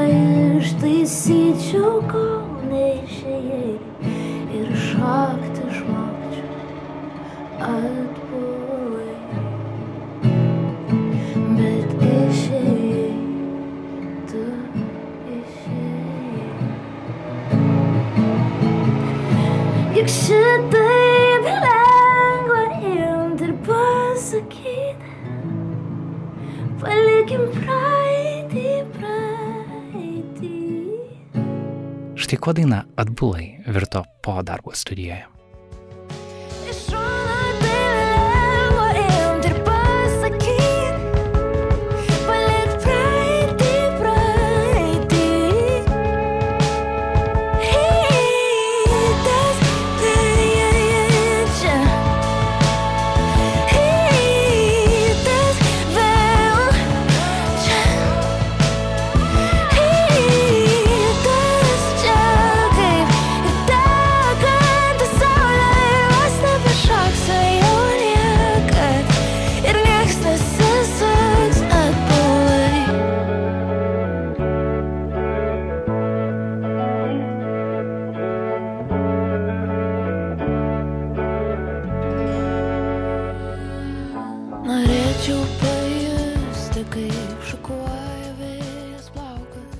Muzikos rašymas yra ir labai smagus procesas. Jisai, ir aš noriu, kad tu apie jį papasakotum daugiau. Kiek kalbėjau su pačiais nori prieš interviu, jis minėjo, kad jūs netgi nepradėjot iš pat pradžių nuo tiesiog dainų įrašymo, kad jūs norėjote sukurti tokį bendrą, na, kažkokį muzikinių nuorodų pasaulį. Mhm. Ir tu tarsi turėjai tam tikrus namų darbus, ar ne, perklausyti tam tikras dainas, netgi išmokti jas atlikti, Taip, kad tarsi pa- praturtinti savo tokį um, kažkokį muzikinį pasaulį, galbūt atrasti Mhm. mm -hmm. sąskambių. Papasakok apie tą procesą.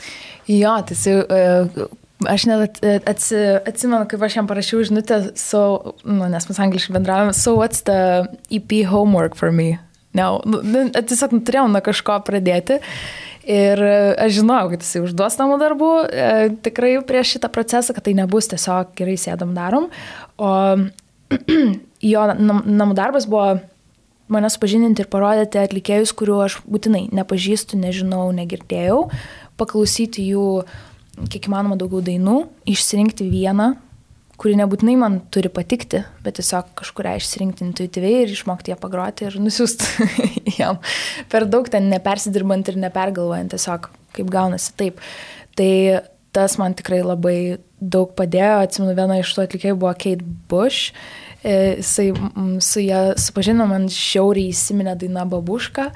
E, Jos ir aš ją, nu, tiek daug, taip smagiai praleidau, e, žodžiu, laiką mokantis ir buvo atlikėjų, kur man žiauriai nepatiko ir aš kankinausi ir žinojau, kad vis tiek turiu padaryti, bet... Pavyzdžiui, Bet neatsimenu, žinok, kuris man nepatiko, aš negaliu atsiminti, bet atsimenu dar vieną, kuris patiko labai, tai buvo e, Glenn Campbell, Wichita Lineman e, daina, bet ją irgi išmokau, labai mhm. man patiko ir tikrai labai praturtino e, visą žodyną muzikinį, nebūtinai ties tekstais, bet ties harmonijom, melodijom, kurios veda ir visą ką ir panašiai. Tai, nu šitas labai man prilipo natūraliai, dabar aš iki šiol tą patį dalyką darau, Mhm. tai mm, savo jau malonumui. Tai tą patį darė ir su filmais.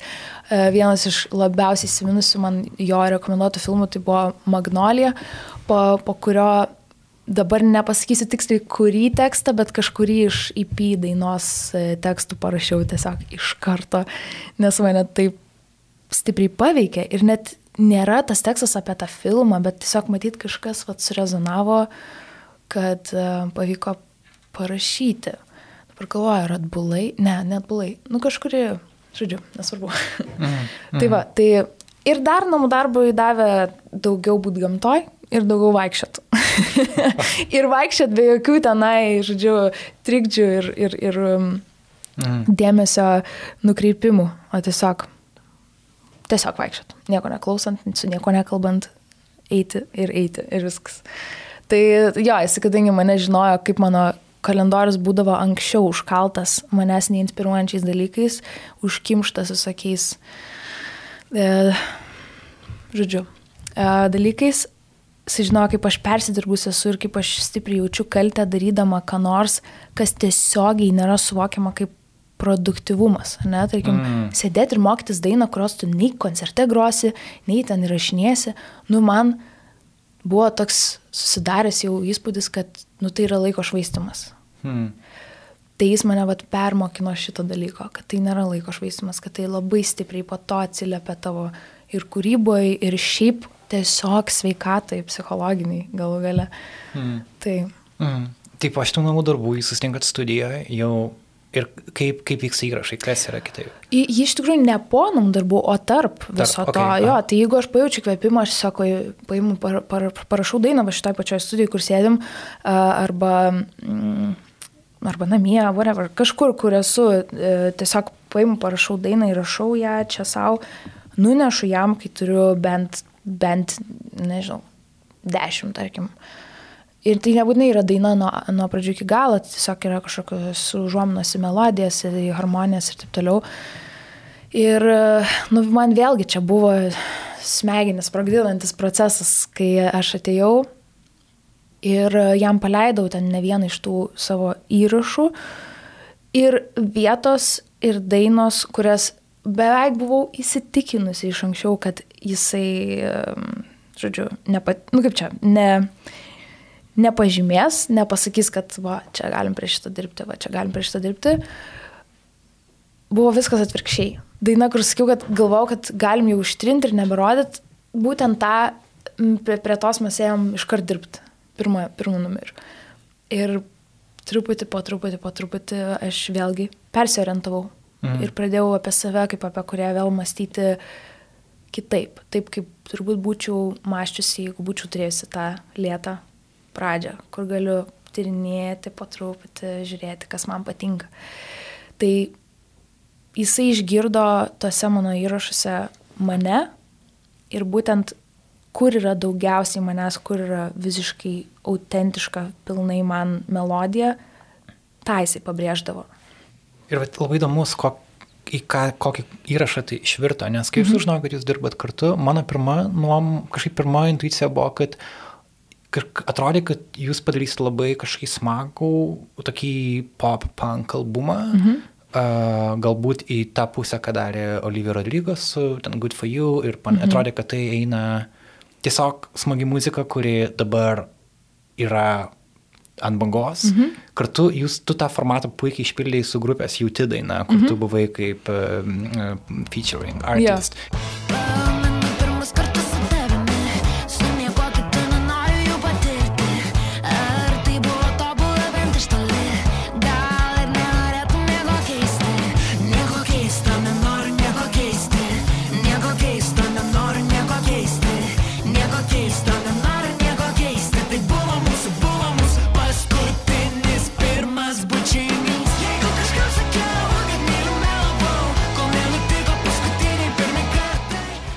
Ir atrodė, kad, okei, okay, aš noriu, aš pats klausau daug pop-punk, man, tai aš galvoju, aš jau laukiu to albumo.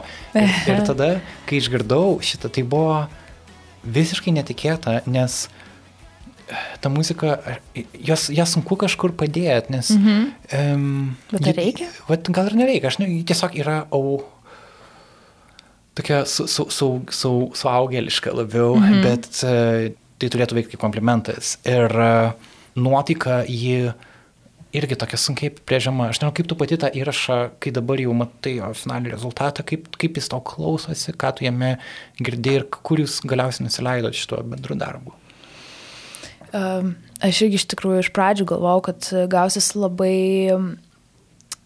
linksmas įrašas, kad gausis tikrai daug labiau pop, bet aš to, to pačiu, tuo metu ir buvau tokiam labiau nusiteikim, įsistovėjusiam, nusistovėjusiam įsitikinime apie tai, kas aš esu ir kokias aš dainas rašau ir taip toliau ir panašiai. Ir aš net nebūčiau susapnaus, kad aš taip greitai ir staigiai grįšiu į tai, ką aš būčiau dariusi nuo pat pradžių, kūrybos prasme.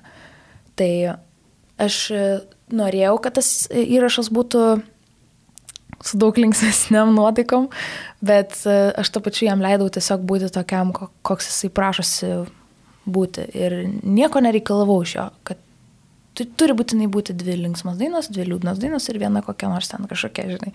Tiesiog kas gaunasi, kas išeina, kas nori, hmm. kad būtų. Ir vienintelis kriterijus ir buvo toks, tiesiog, ar tau tai patinka. Jeigu patinka, tai eina į dainą.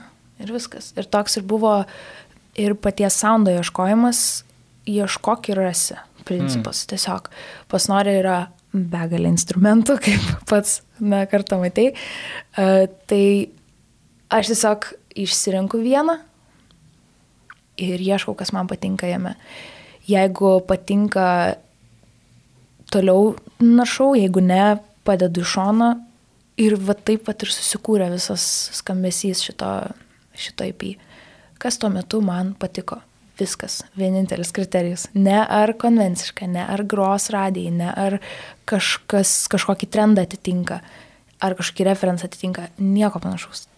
Jo. Tik tai tiek, ar man patinka ar ne. Ir aš dabar pats pagaunu savo mąstymą, okay, mm -hmm. kodėl aš tikėjausi iš jūsų pop-punk ja. įrašo. Dėl tai to, kad bangos. tai ir kad tu jį tikrai gali gerai padaryti. Ir atrodė, jo, savam aišku, puikiai, tarpsime, aišk, aiškiai kryptis. Jo. Ir, ir aš visiškai ne, nemaniau, kad tavy yra tiek daug neišdainuoto liūdėsio iš tikrųjų, kurį, Labai. kuris... Um, Dėl to jis ir nustebo, vadinasi, tas tavo ankstesnis įvaizdis, jis veikia. Jis, jis... Jisai pa, tavo daro įtaką, nori, nenori. ir tu paminėjai instrumentus dabar. Man atrodo, kad dažnai e, dainininkai yra suprantami tik kaip dainininkai. Mm. Ir nėra tiek gal visiems žinoma, kad tu, tu, tu, tu groji e, pianinu pati -hmm. daugybę metų. Tu čia studijoje mes matom gitarą, kurią, -hmm.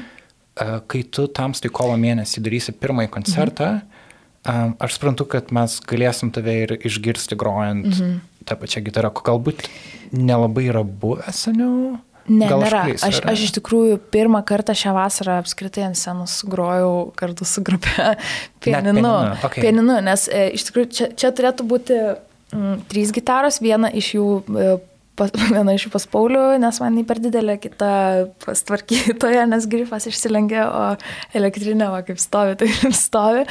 Tai jie, jomis iš tikrųjų man dar kol kas e, kukliausia yra groti, dar aš e, turiu tikrai daug erdvės pasi, pasitempti, bet va ties pianinu aš tikrai labai patogiai jaučiuosi. Ir vėlgi mano, mano smegenyse chemija pasikeitė, kai Snorė mane studijai vadindavo muzikantę, tarsi pianistę. Vad, sakydavo, you're a musician, go and play. Man tikrai, man atvipdavo žandikaulis, aš, aš niekada, niekas į mane taip nesikreipė. Nors aš kaip ir viduje suprantu, kad esu, bet kai tai pasakė garsiai, kažkaip man, man tai labai daug ką pakeitė. Ir, ir aš e, daugelis partijų, kurios sugrojamas yra tam pačiam IP, aš jas sugrojau tik tai dėl to, kad vat, sėdėjo žmogus, kuris tiesiog mane mato visai kitokią, negu aš save mačiau. Nes-. Įpratau matyti. galėčiau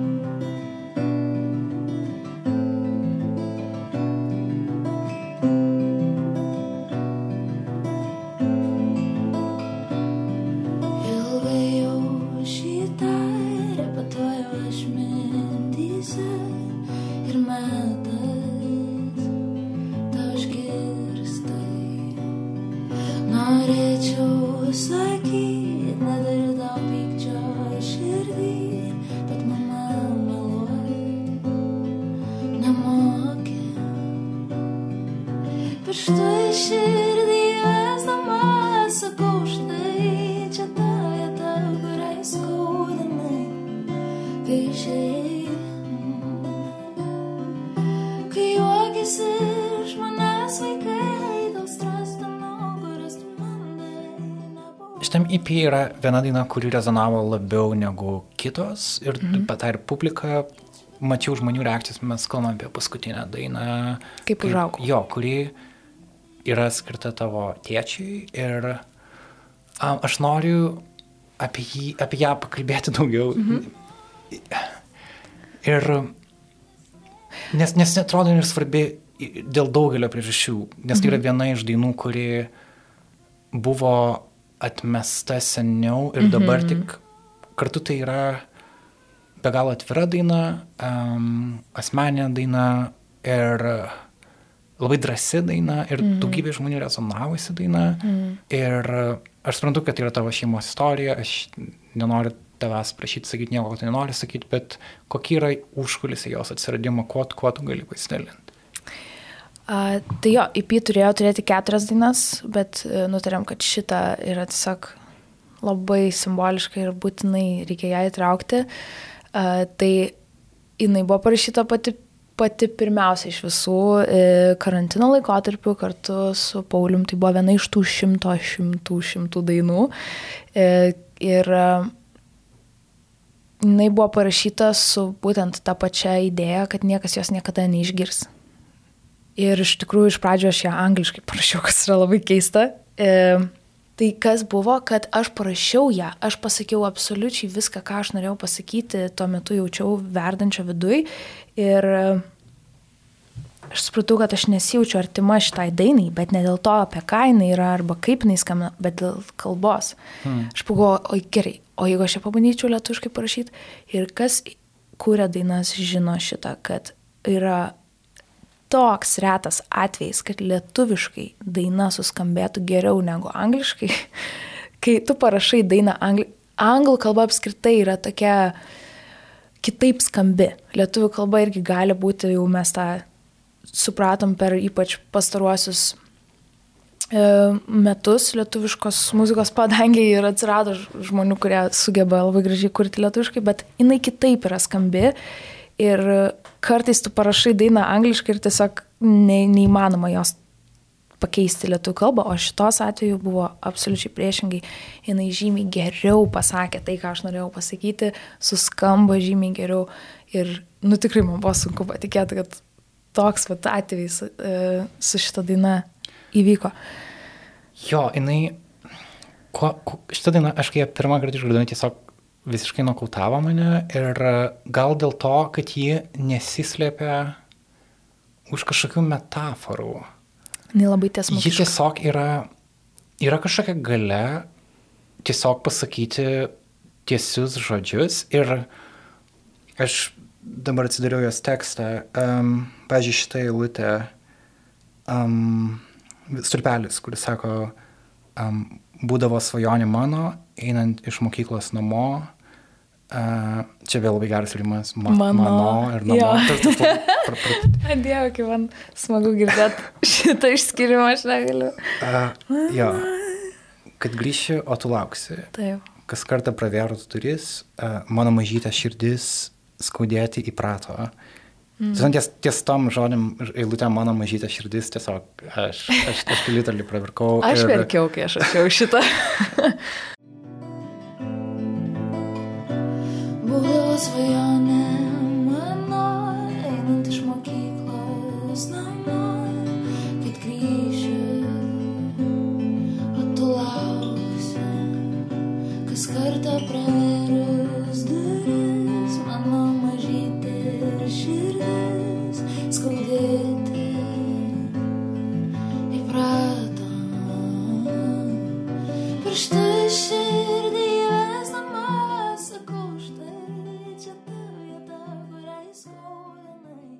Atrodo, kad tu niekad nebuvai ėjęs tiek viešai į savo asmeninę istoriją. Jo.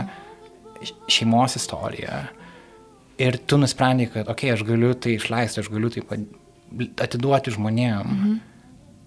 Kaip tu šitą procesą perėjai? Ir... Jo, labai geras klausimas. Aš e, iš tikrųjų, kai ją parašiau jau lietuviškai, kas buvo beveik tą pačią ar sekančią dieną, kai aš supratau, kad o, aš, aš užkabinau kažką savo viduje tokio, ko iki šiol gyvenime dar nėra pavykę, rašant dainas, aš privalau ją perrašyti lietuviškai ir kai gavosi taip, kaip gavosi, aš supratau, kad aš taip tiksliai įvardinau, ką aš jaučiau, o tas jausmas tikrai nėra mano vienos ir kiek daug žmonių aš pažįstu, kurie turėjo panašią arba net tokią pačią šeimos istoriją ir, ir kaip man būtų reikėję tokios dainos tuo metu, kai aš augau arba tuo metu, kai aš užaugau ir vis dar negalėjau sudėti į žodžius, ką aš jaučiu čia, šitoj va šitam taške, žinai, savo, savo emociniai sveikatai. Ir aš pagalvojau, kad tai yra labai labai svarbu paleisti šitą dainą ir atiduoti ją tiem žmonėm, kurie per tai praėjo ir tai pajutė arba per tai eina. Ir man tikrai buvo pasakyta ne, daug, ne, ne vieną kartą, kad šita daina nebus populiari. Hmm. Nu, jinai yra nišinė, jinai nesurinks peržiūrų, jinai bus paklausyta vieną kartą ir išjungta. Ir aš priemiau tą kaip galimai teisybę. Jo, taip gali būti, kad tai bus, bet tai nėra kiekvien, kiekvienos dainos tikslas, juk neturi būti surinkti peržiūros, tiesa. Ir čia buvo... Bet vien... kodėl jinai neturėtų būti populiari? Nes jinai šiuo metu yra populiariausia daina. Jo, šiaip okay, bet, yra labai ironiška, bet... Bet kodėl? Tai tuo metu, kai aš e, turėjau tą vat, visą karantino e, studijų sėdėjimo laikotarpį, aš vis tiek tam tikras dainas nusiųsdavau savo komandai, kad jie e, paklausytų, ką aš darau. Ir natūraliai, nors aš galvojau, kad aš nei vienos iš jų neleisiu, jie taip negalvojo. Įvardinu jie tiesiog. Mhm. Um, ir, ir, ir, ir, žodžiu, paklausę, tiesiog turbūt be empatijos, be tokios pačios patirties, tiesiog nutarė, kad nu, čia bus super mažai žmonių, kurie galės susitapatinti su, su tuo ir tiesiog eis ir praeis.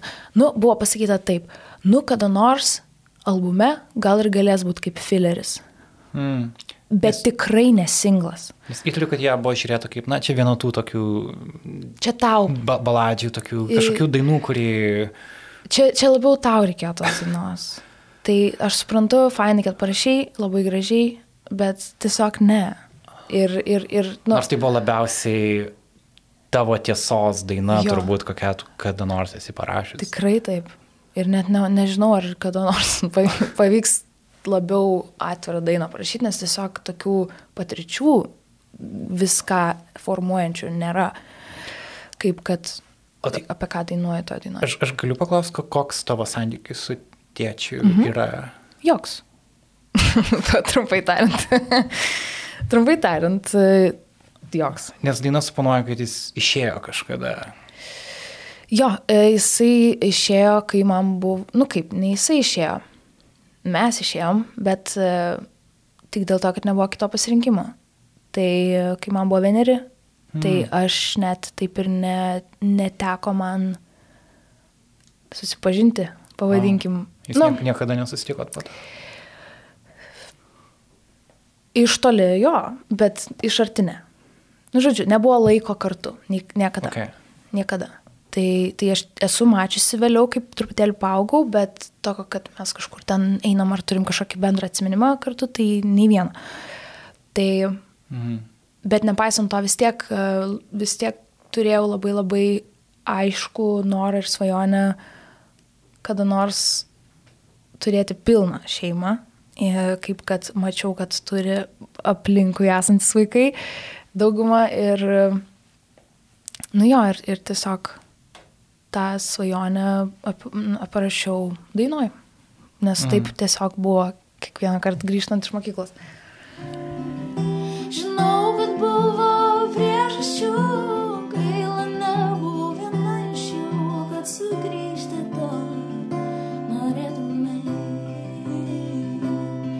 kad noriu pasakyti, tu nespėjai pamatyti, kaip užaugau.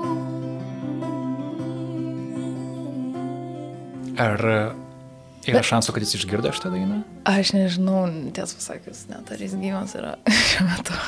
Nežinau, aš mm. nieko, tiesiog nei vieno trupinėlio informacijos nežinau. Um, ir net nežinau, ar aš norėčiau žinoti, nes aš suprantu, gal taip pasakėjai, bet uh, aš pataisysiu, kad ta daina nėra skirta jam. Uh, jinai man skirta. Ir, čia, čia svarbus momentas, jo, čia svarbus momentas, jo. jo. Ir tos paskutinės dvi eilutės dainuoja, jas, jos va, tokias um, viską apibrėžiančios, jos yra mamai skirtos, kuri, yra, kuri visą gyvenimą mano buvo už du žmonės. E, ir už tėtį, ir už mamą. Tai... Aš labai tikingai savo, kad tu pataisai, jo, turbūt ką aš norėjau pasakyti, kad jį galbūt apie, apie bet jo. ne jam skirtų, tai, tai, yra, tai yra didelis jo. skirtumas. Jo. Ir taip, net šitą dainą, kuri pjauna labai giliai, tuo pat metu pačioj pačioj pabaigoj ji turi twist. Ir yeah. ji pasako, kad aš užaugau. Taip. Ir užaugau gražiai. gražiai.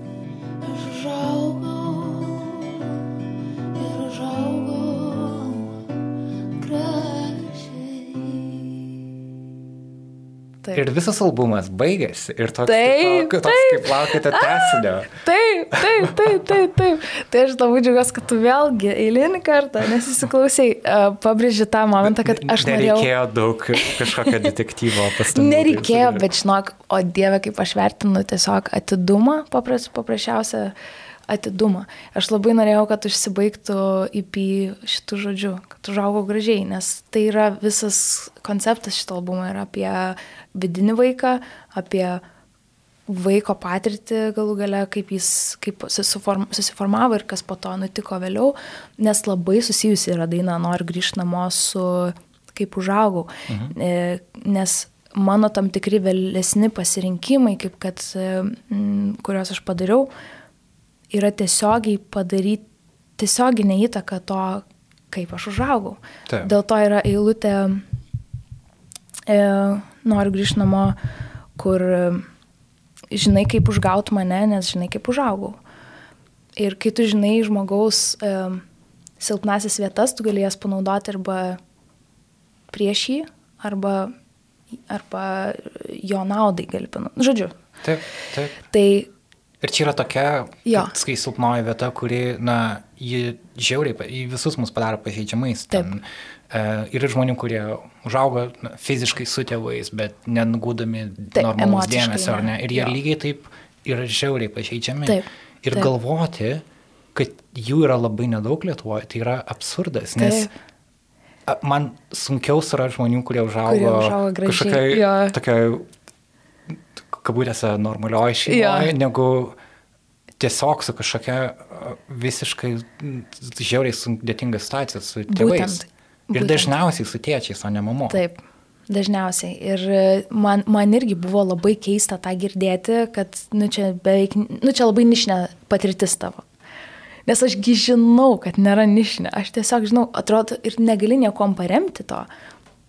Bet tau taip keista, kai ateina žmogus ir sako, Niekas, beveik niekas čia neras čia savęs šitoje istorijoje, čia tik tavo yra. Tik tavo. Ir tai yra toki, ateina iš tokios neempatiškos vietos, iš tokios mm. neįsigilinimo į kitų žmonių istorijas ir patirtis. Man buvo tikrai labai, labai, labai keista išgirsti tai. Bet aš vėlgi džiaugiuosi, kad tuo metu neišėjo ta daina, nes dabar jinai išeina su, šit, su šituo IP. Ir jinai yra tobulas užbaigimas to, ką, ką rašiau. Jo, ir įsivaizduoju, kad tu jau turi kolekciją dainų, kurios eisi tolesnį albumą, ar e, galų galėtų turi koncertą kovo mėnesį, tu negali mm -hmm. penkių dainų groti. Tikrai, jo, iš eilės penkiolika, penkiolika dainų, po du kartus kiekviena. ne, ne, tai...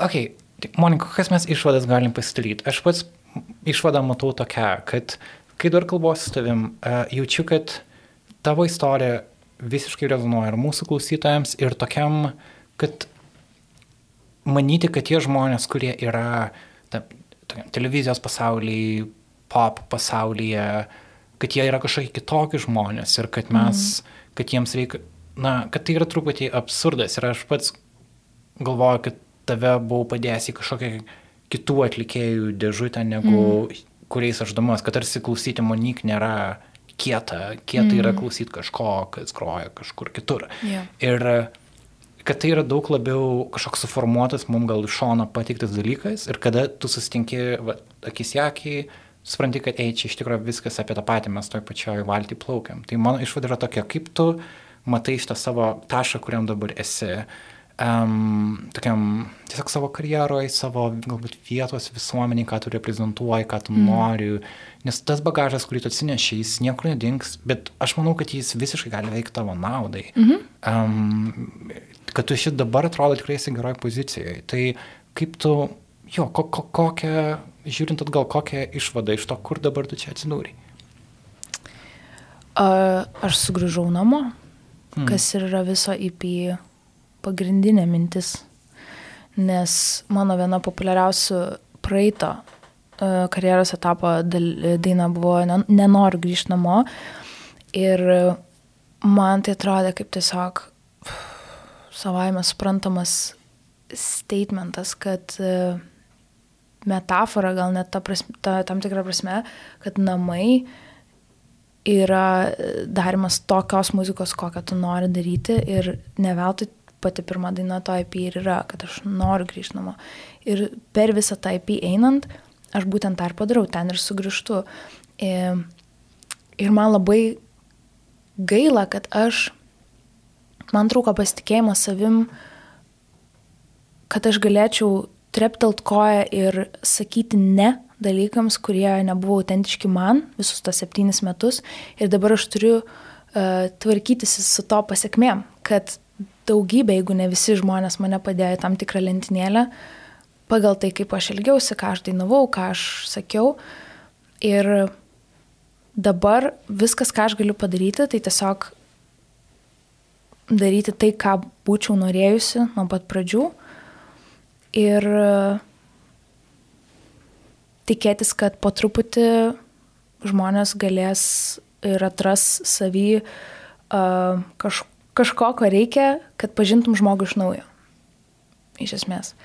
Tai čia kalbant apie auditorijos uh, visą tą spektrą, kuris, sakau, tikrai ne, manęs nestebina, kad įdėjo į pop pasaulio orbitą ir kad, e, nu, žodžiu, nurašė kaip, kaip tu sakei, nekieta klausyti ir taip toliau.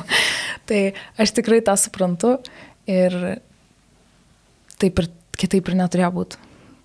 Bet dabar. Dabar jau kieta. Dabar jau viskas, dabar mane klausyti yra kieta. Ne, nu, dabar yra, uh, man atrodo, man yra svarbu, kad žmonės ateitų uh, klausyti manęs tie, kurie nežiūri, kas yra kieta ar nekieta, o klauso tekstų, klauso melodijų, klauso muzikos ir tai jiems yra kieta, kad uh, jie nesivadovauja kažkokiais nustatytais, nustatytom etiketėm galų gale, ar, to, ar tais pačiais žanrais galų gale, ar dar kažkom. Nu, žodžiu, kažkaip taip. Man, man dabar yra, man tikrai labai svarbu yra, kad kuo daugiau žmonių, kuriems yra artim, artima tokia muzika, surastų mane, o aš suraščiau juos. Kad, kad ir savo koncertuose arba, nežinau, kur mhm. dar, gatvėje sutiktų. tai va. Žiūrėjau gerą visą tai girdėt. Um, labai, labai ačiū Monika už šitą interviu um, ir nekantrauju pamatyti, kas, kas bus toliau, nes atrodo, kad mes esam tik tai kažko labai um, gražaus pračioj. Mhm. Suprantu, kad tau tai atrodo galbūt pa, kažkokia etapo pabaiga. Man tai kaip tik žinau, kad atrodo kaip pradžia, va, kaip tu ir sakai. Jo. Jo. Super. Tai yra pradžia. Gražių metų tau tuomet. Ačiū. Ir sėkmės. Ačiū. Iki. Iki.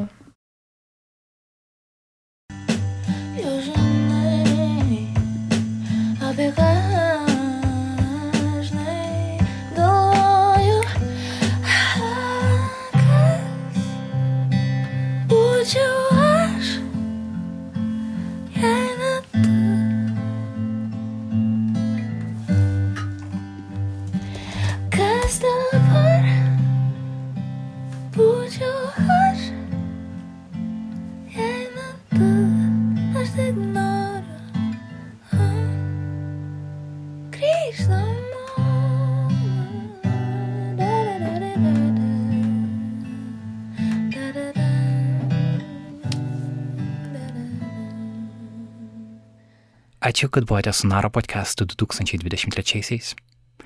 Ačiū, kad liekate ir šiais metais. Mano vardas yra Karolis Višniauskas. Iki greito pasimatymo ir sėkmės.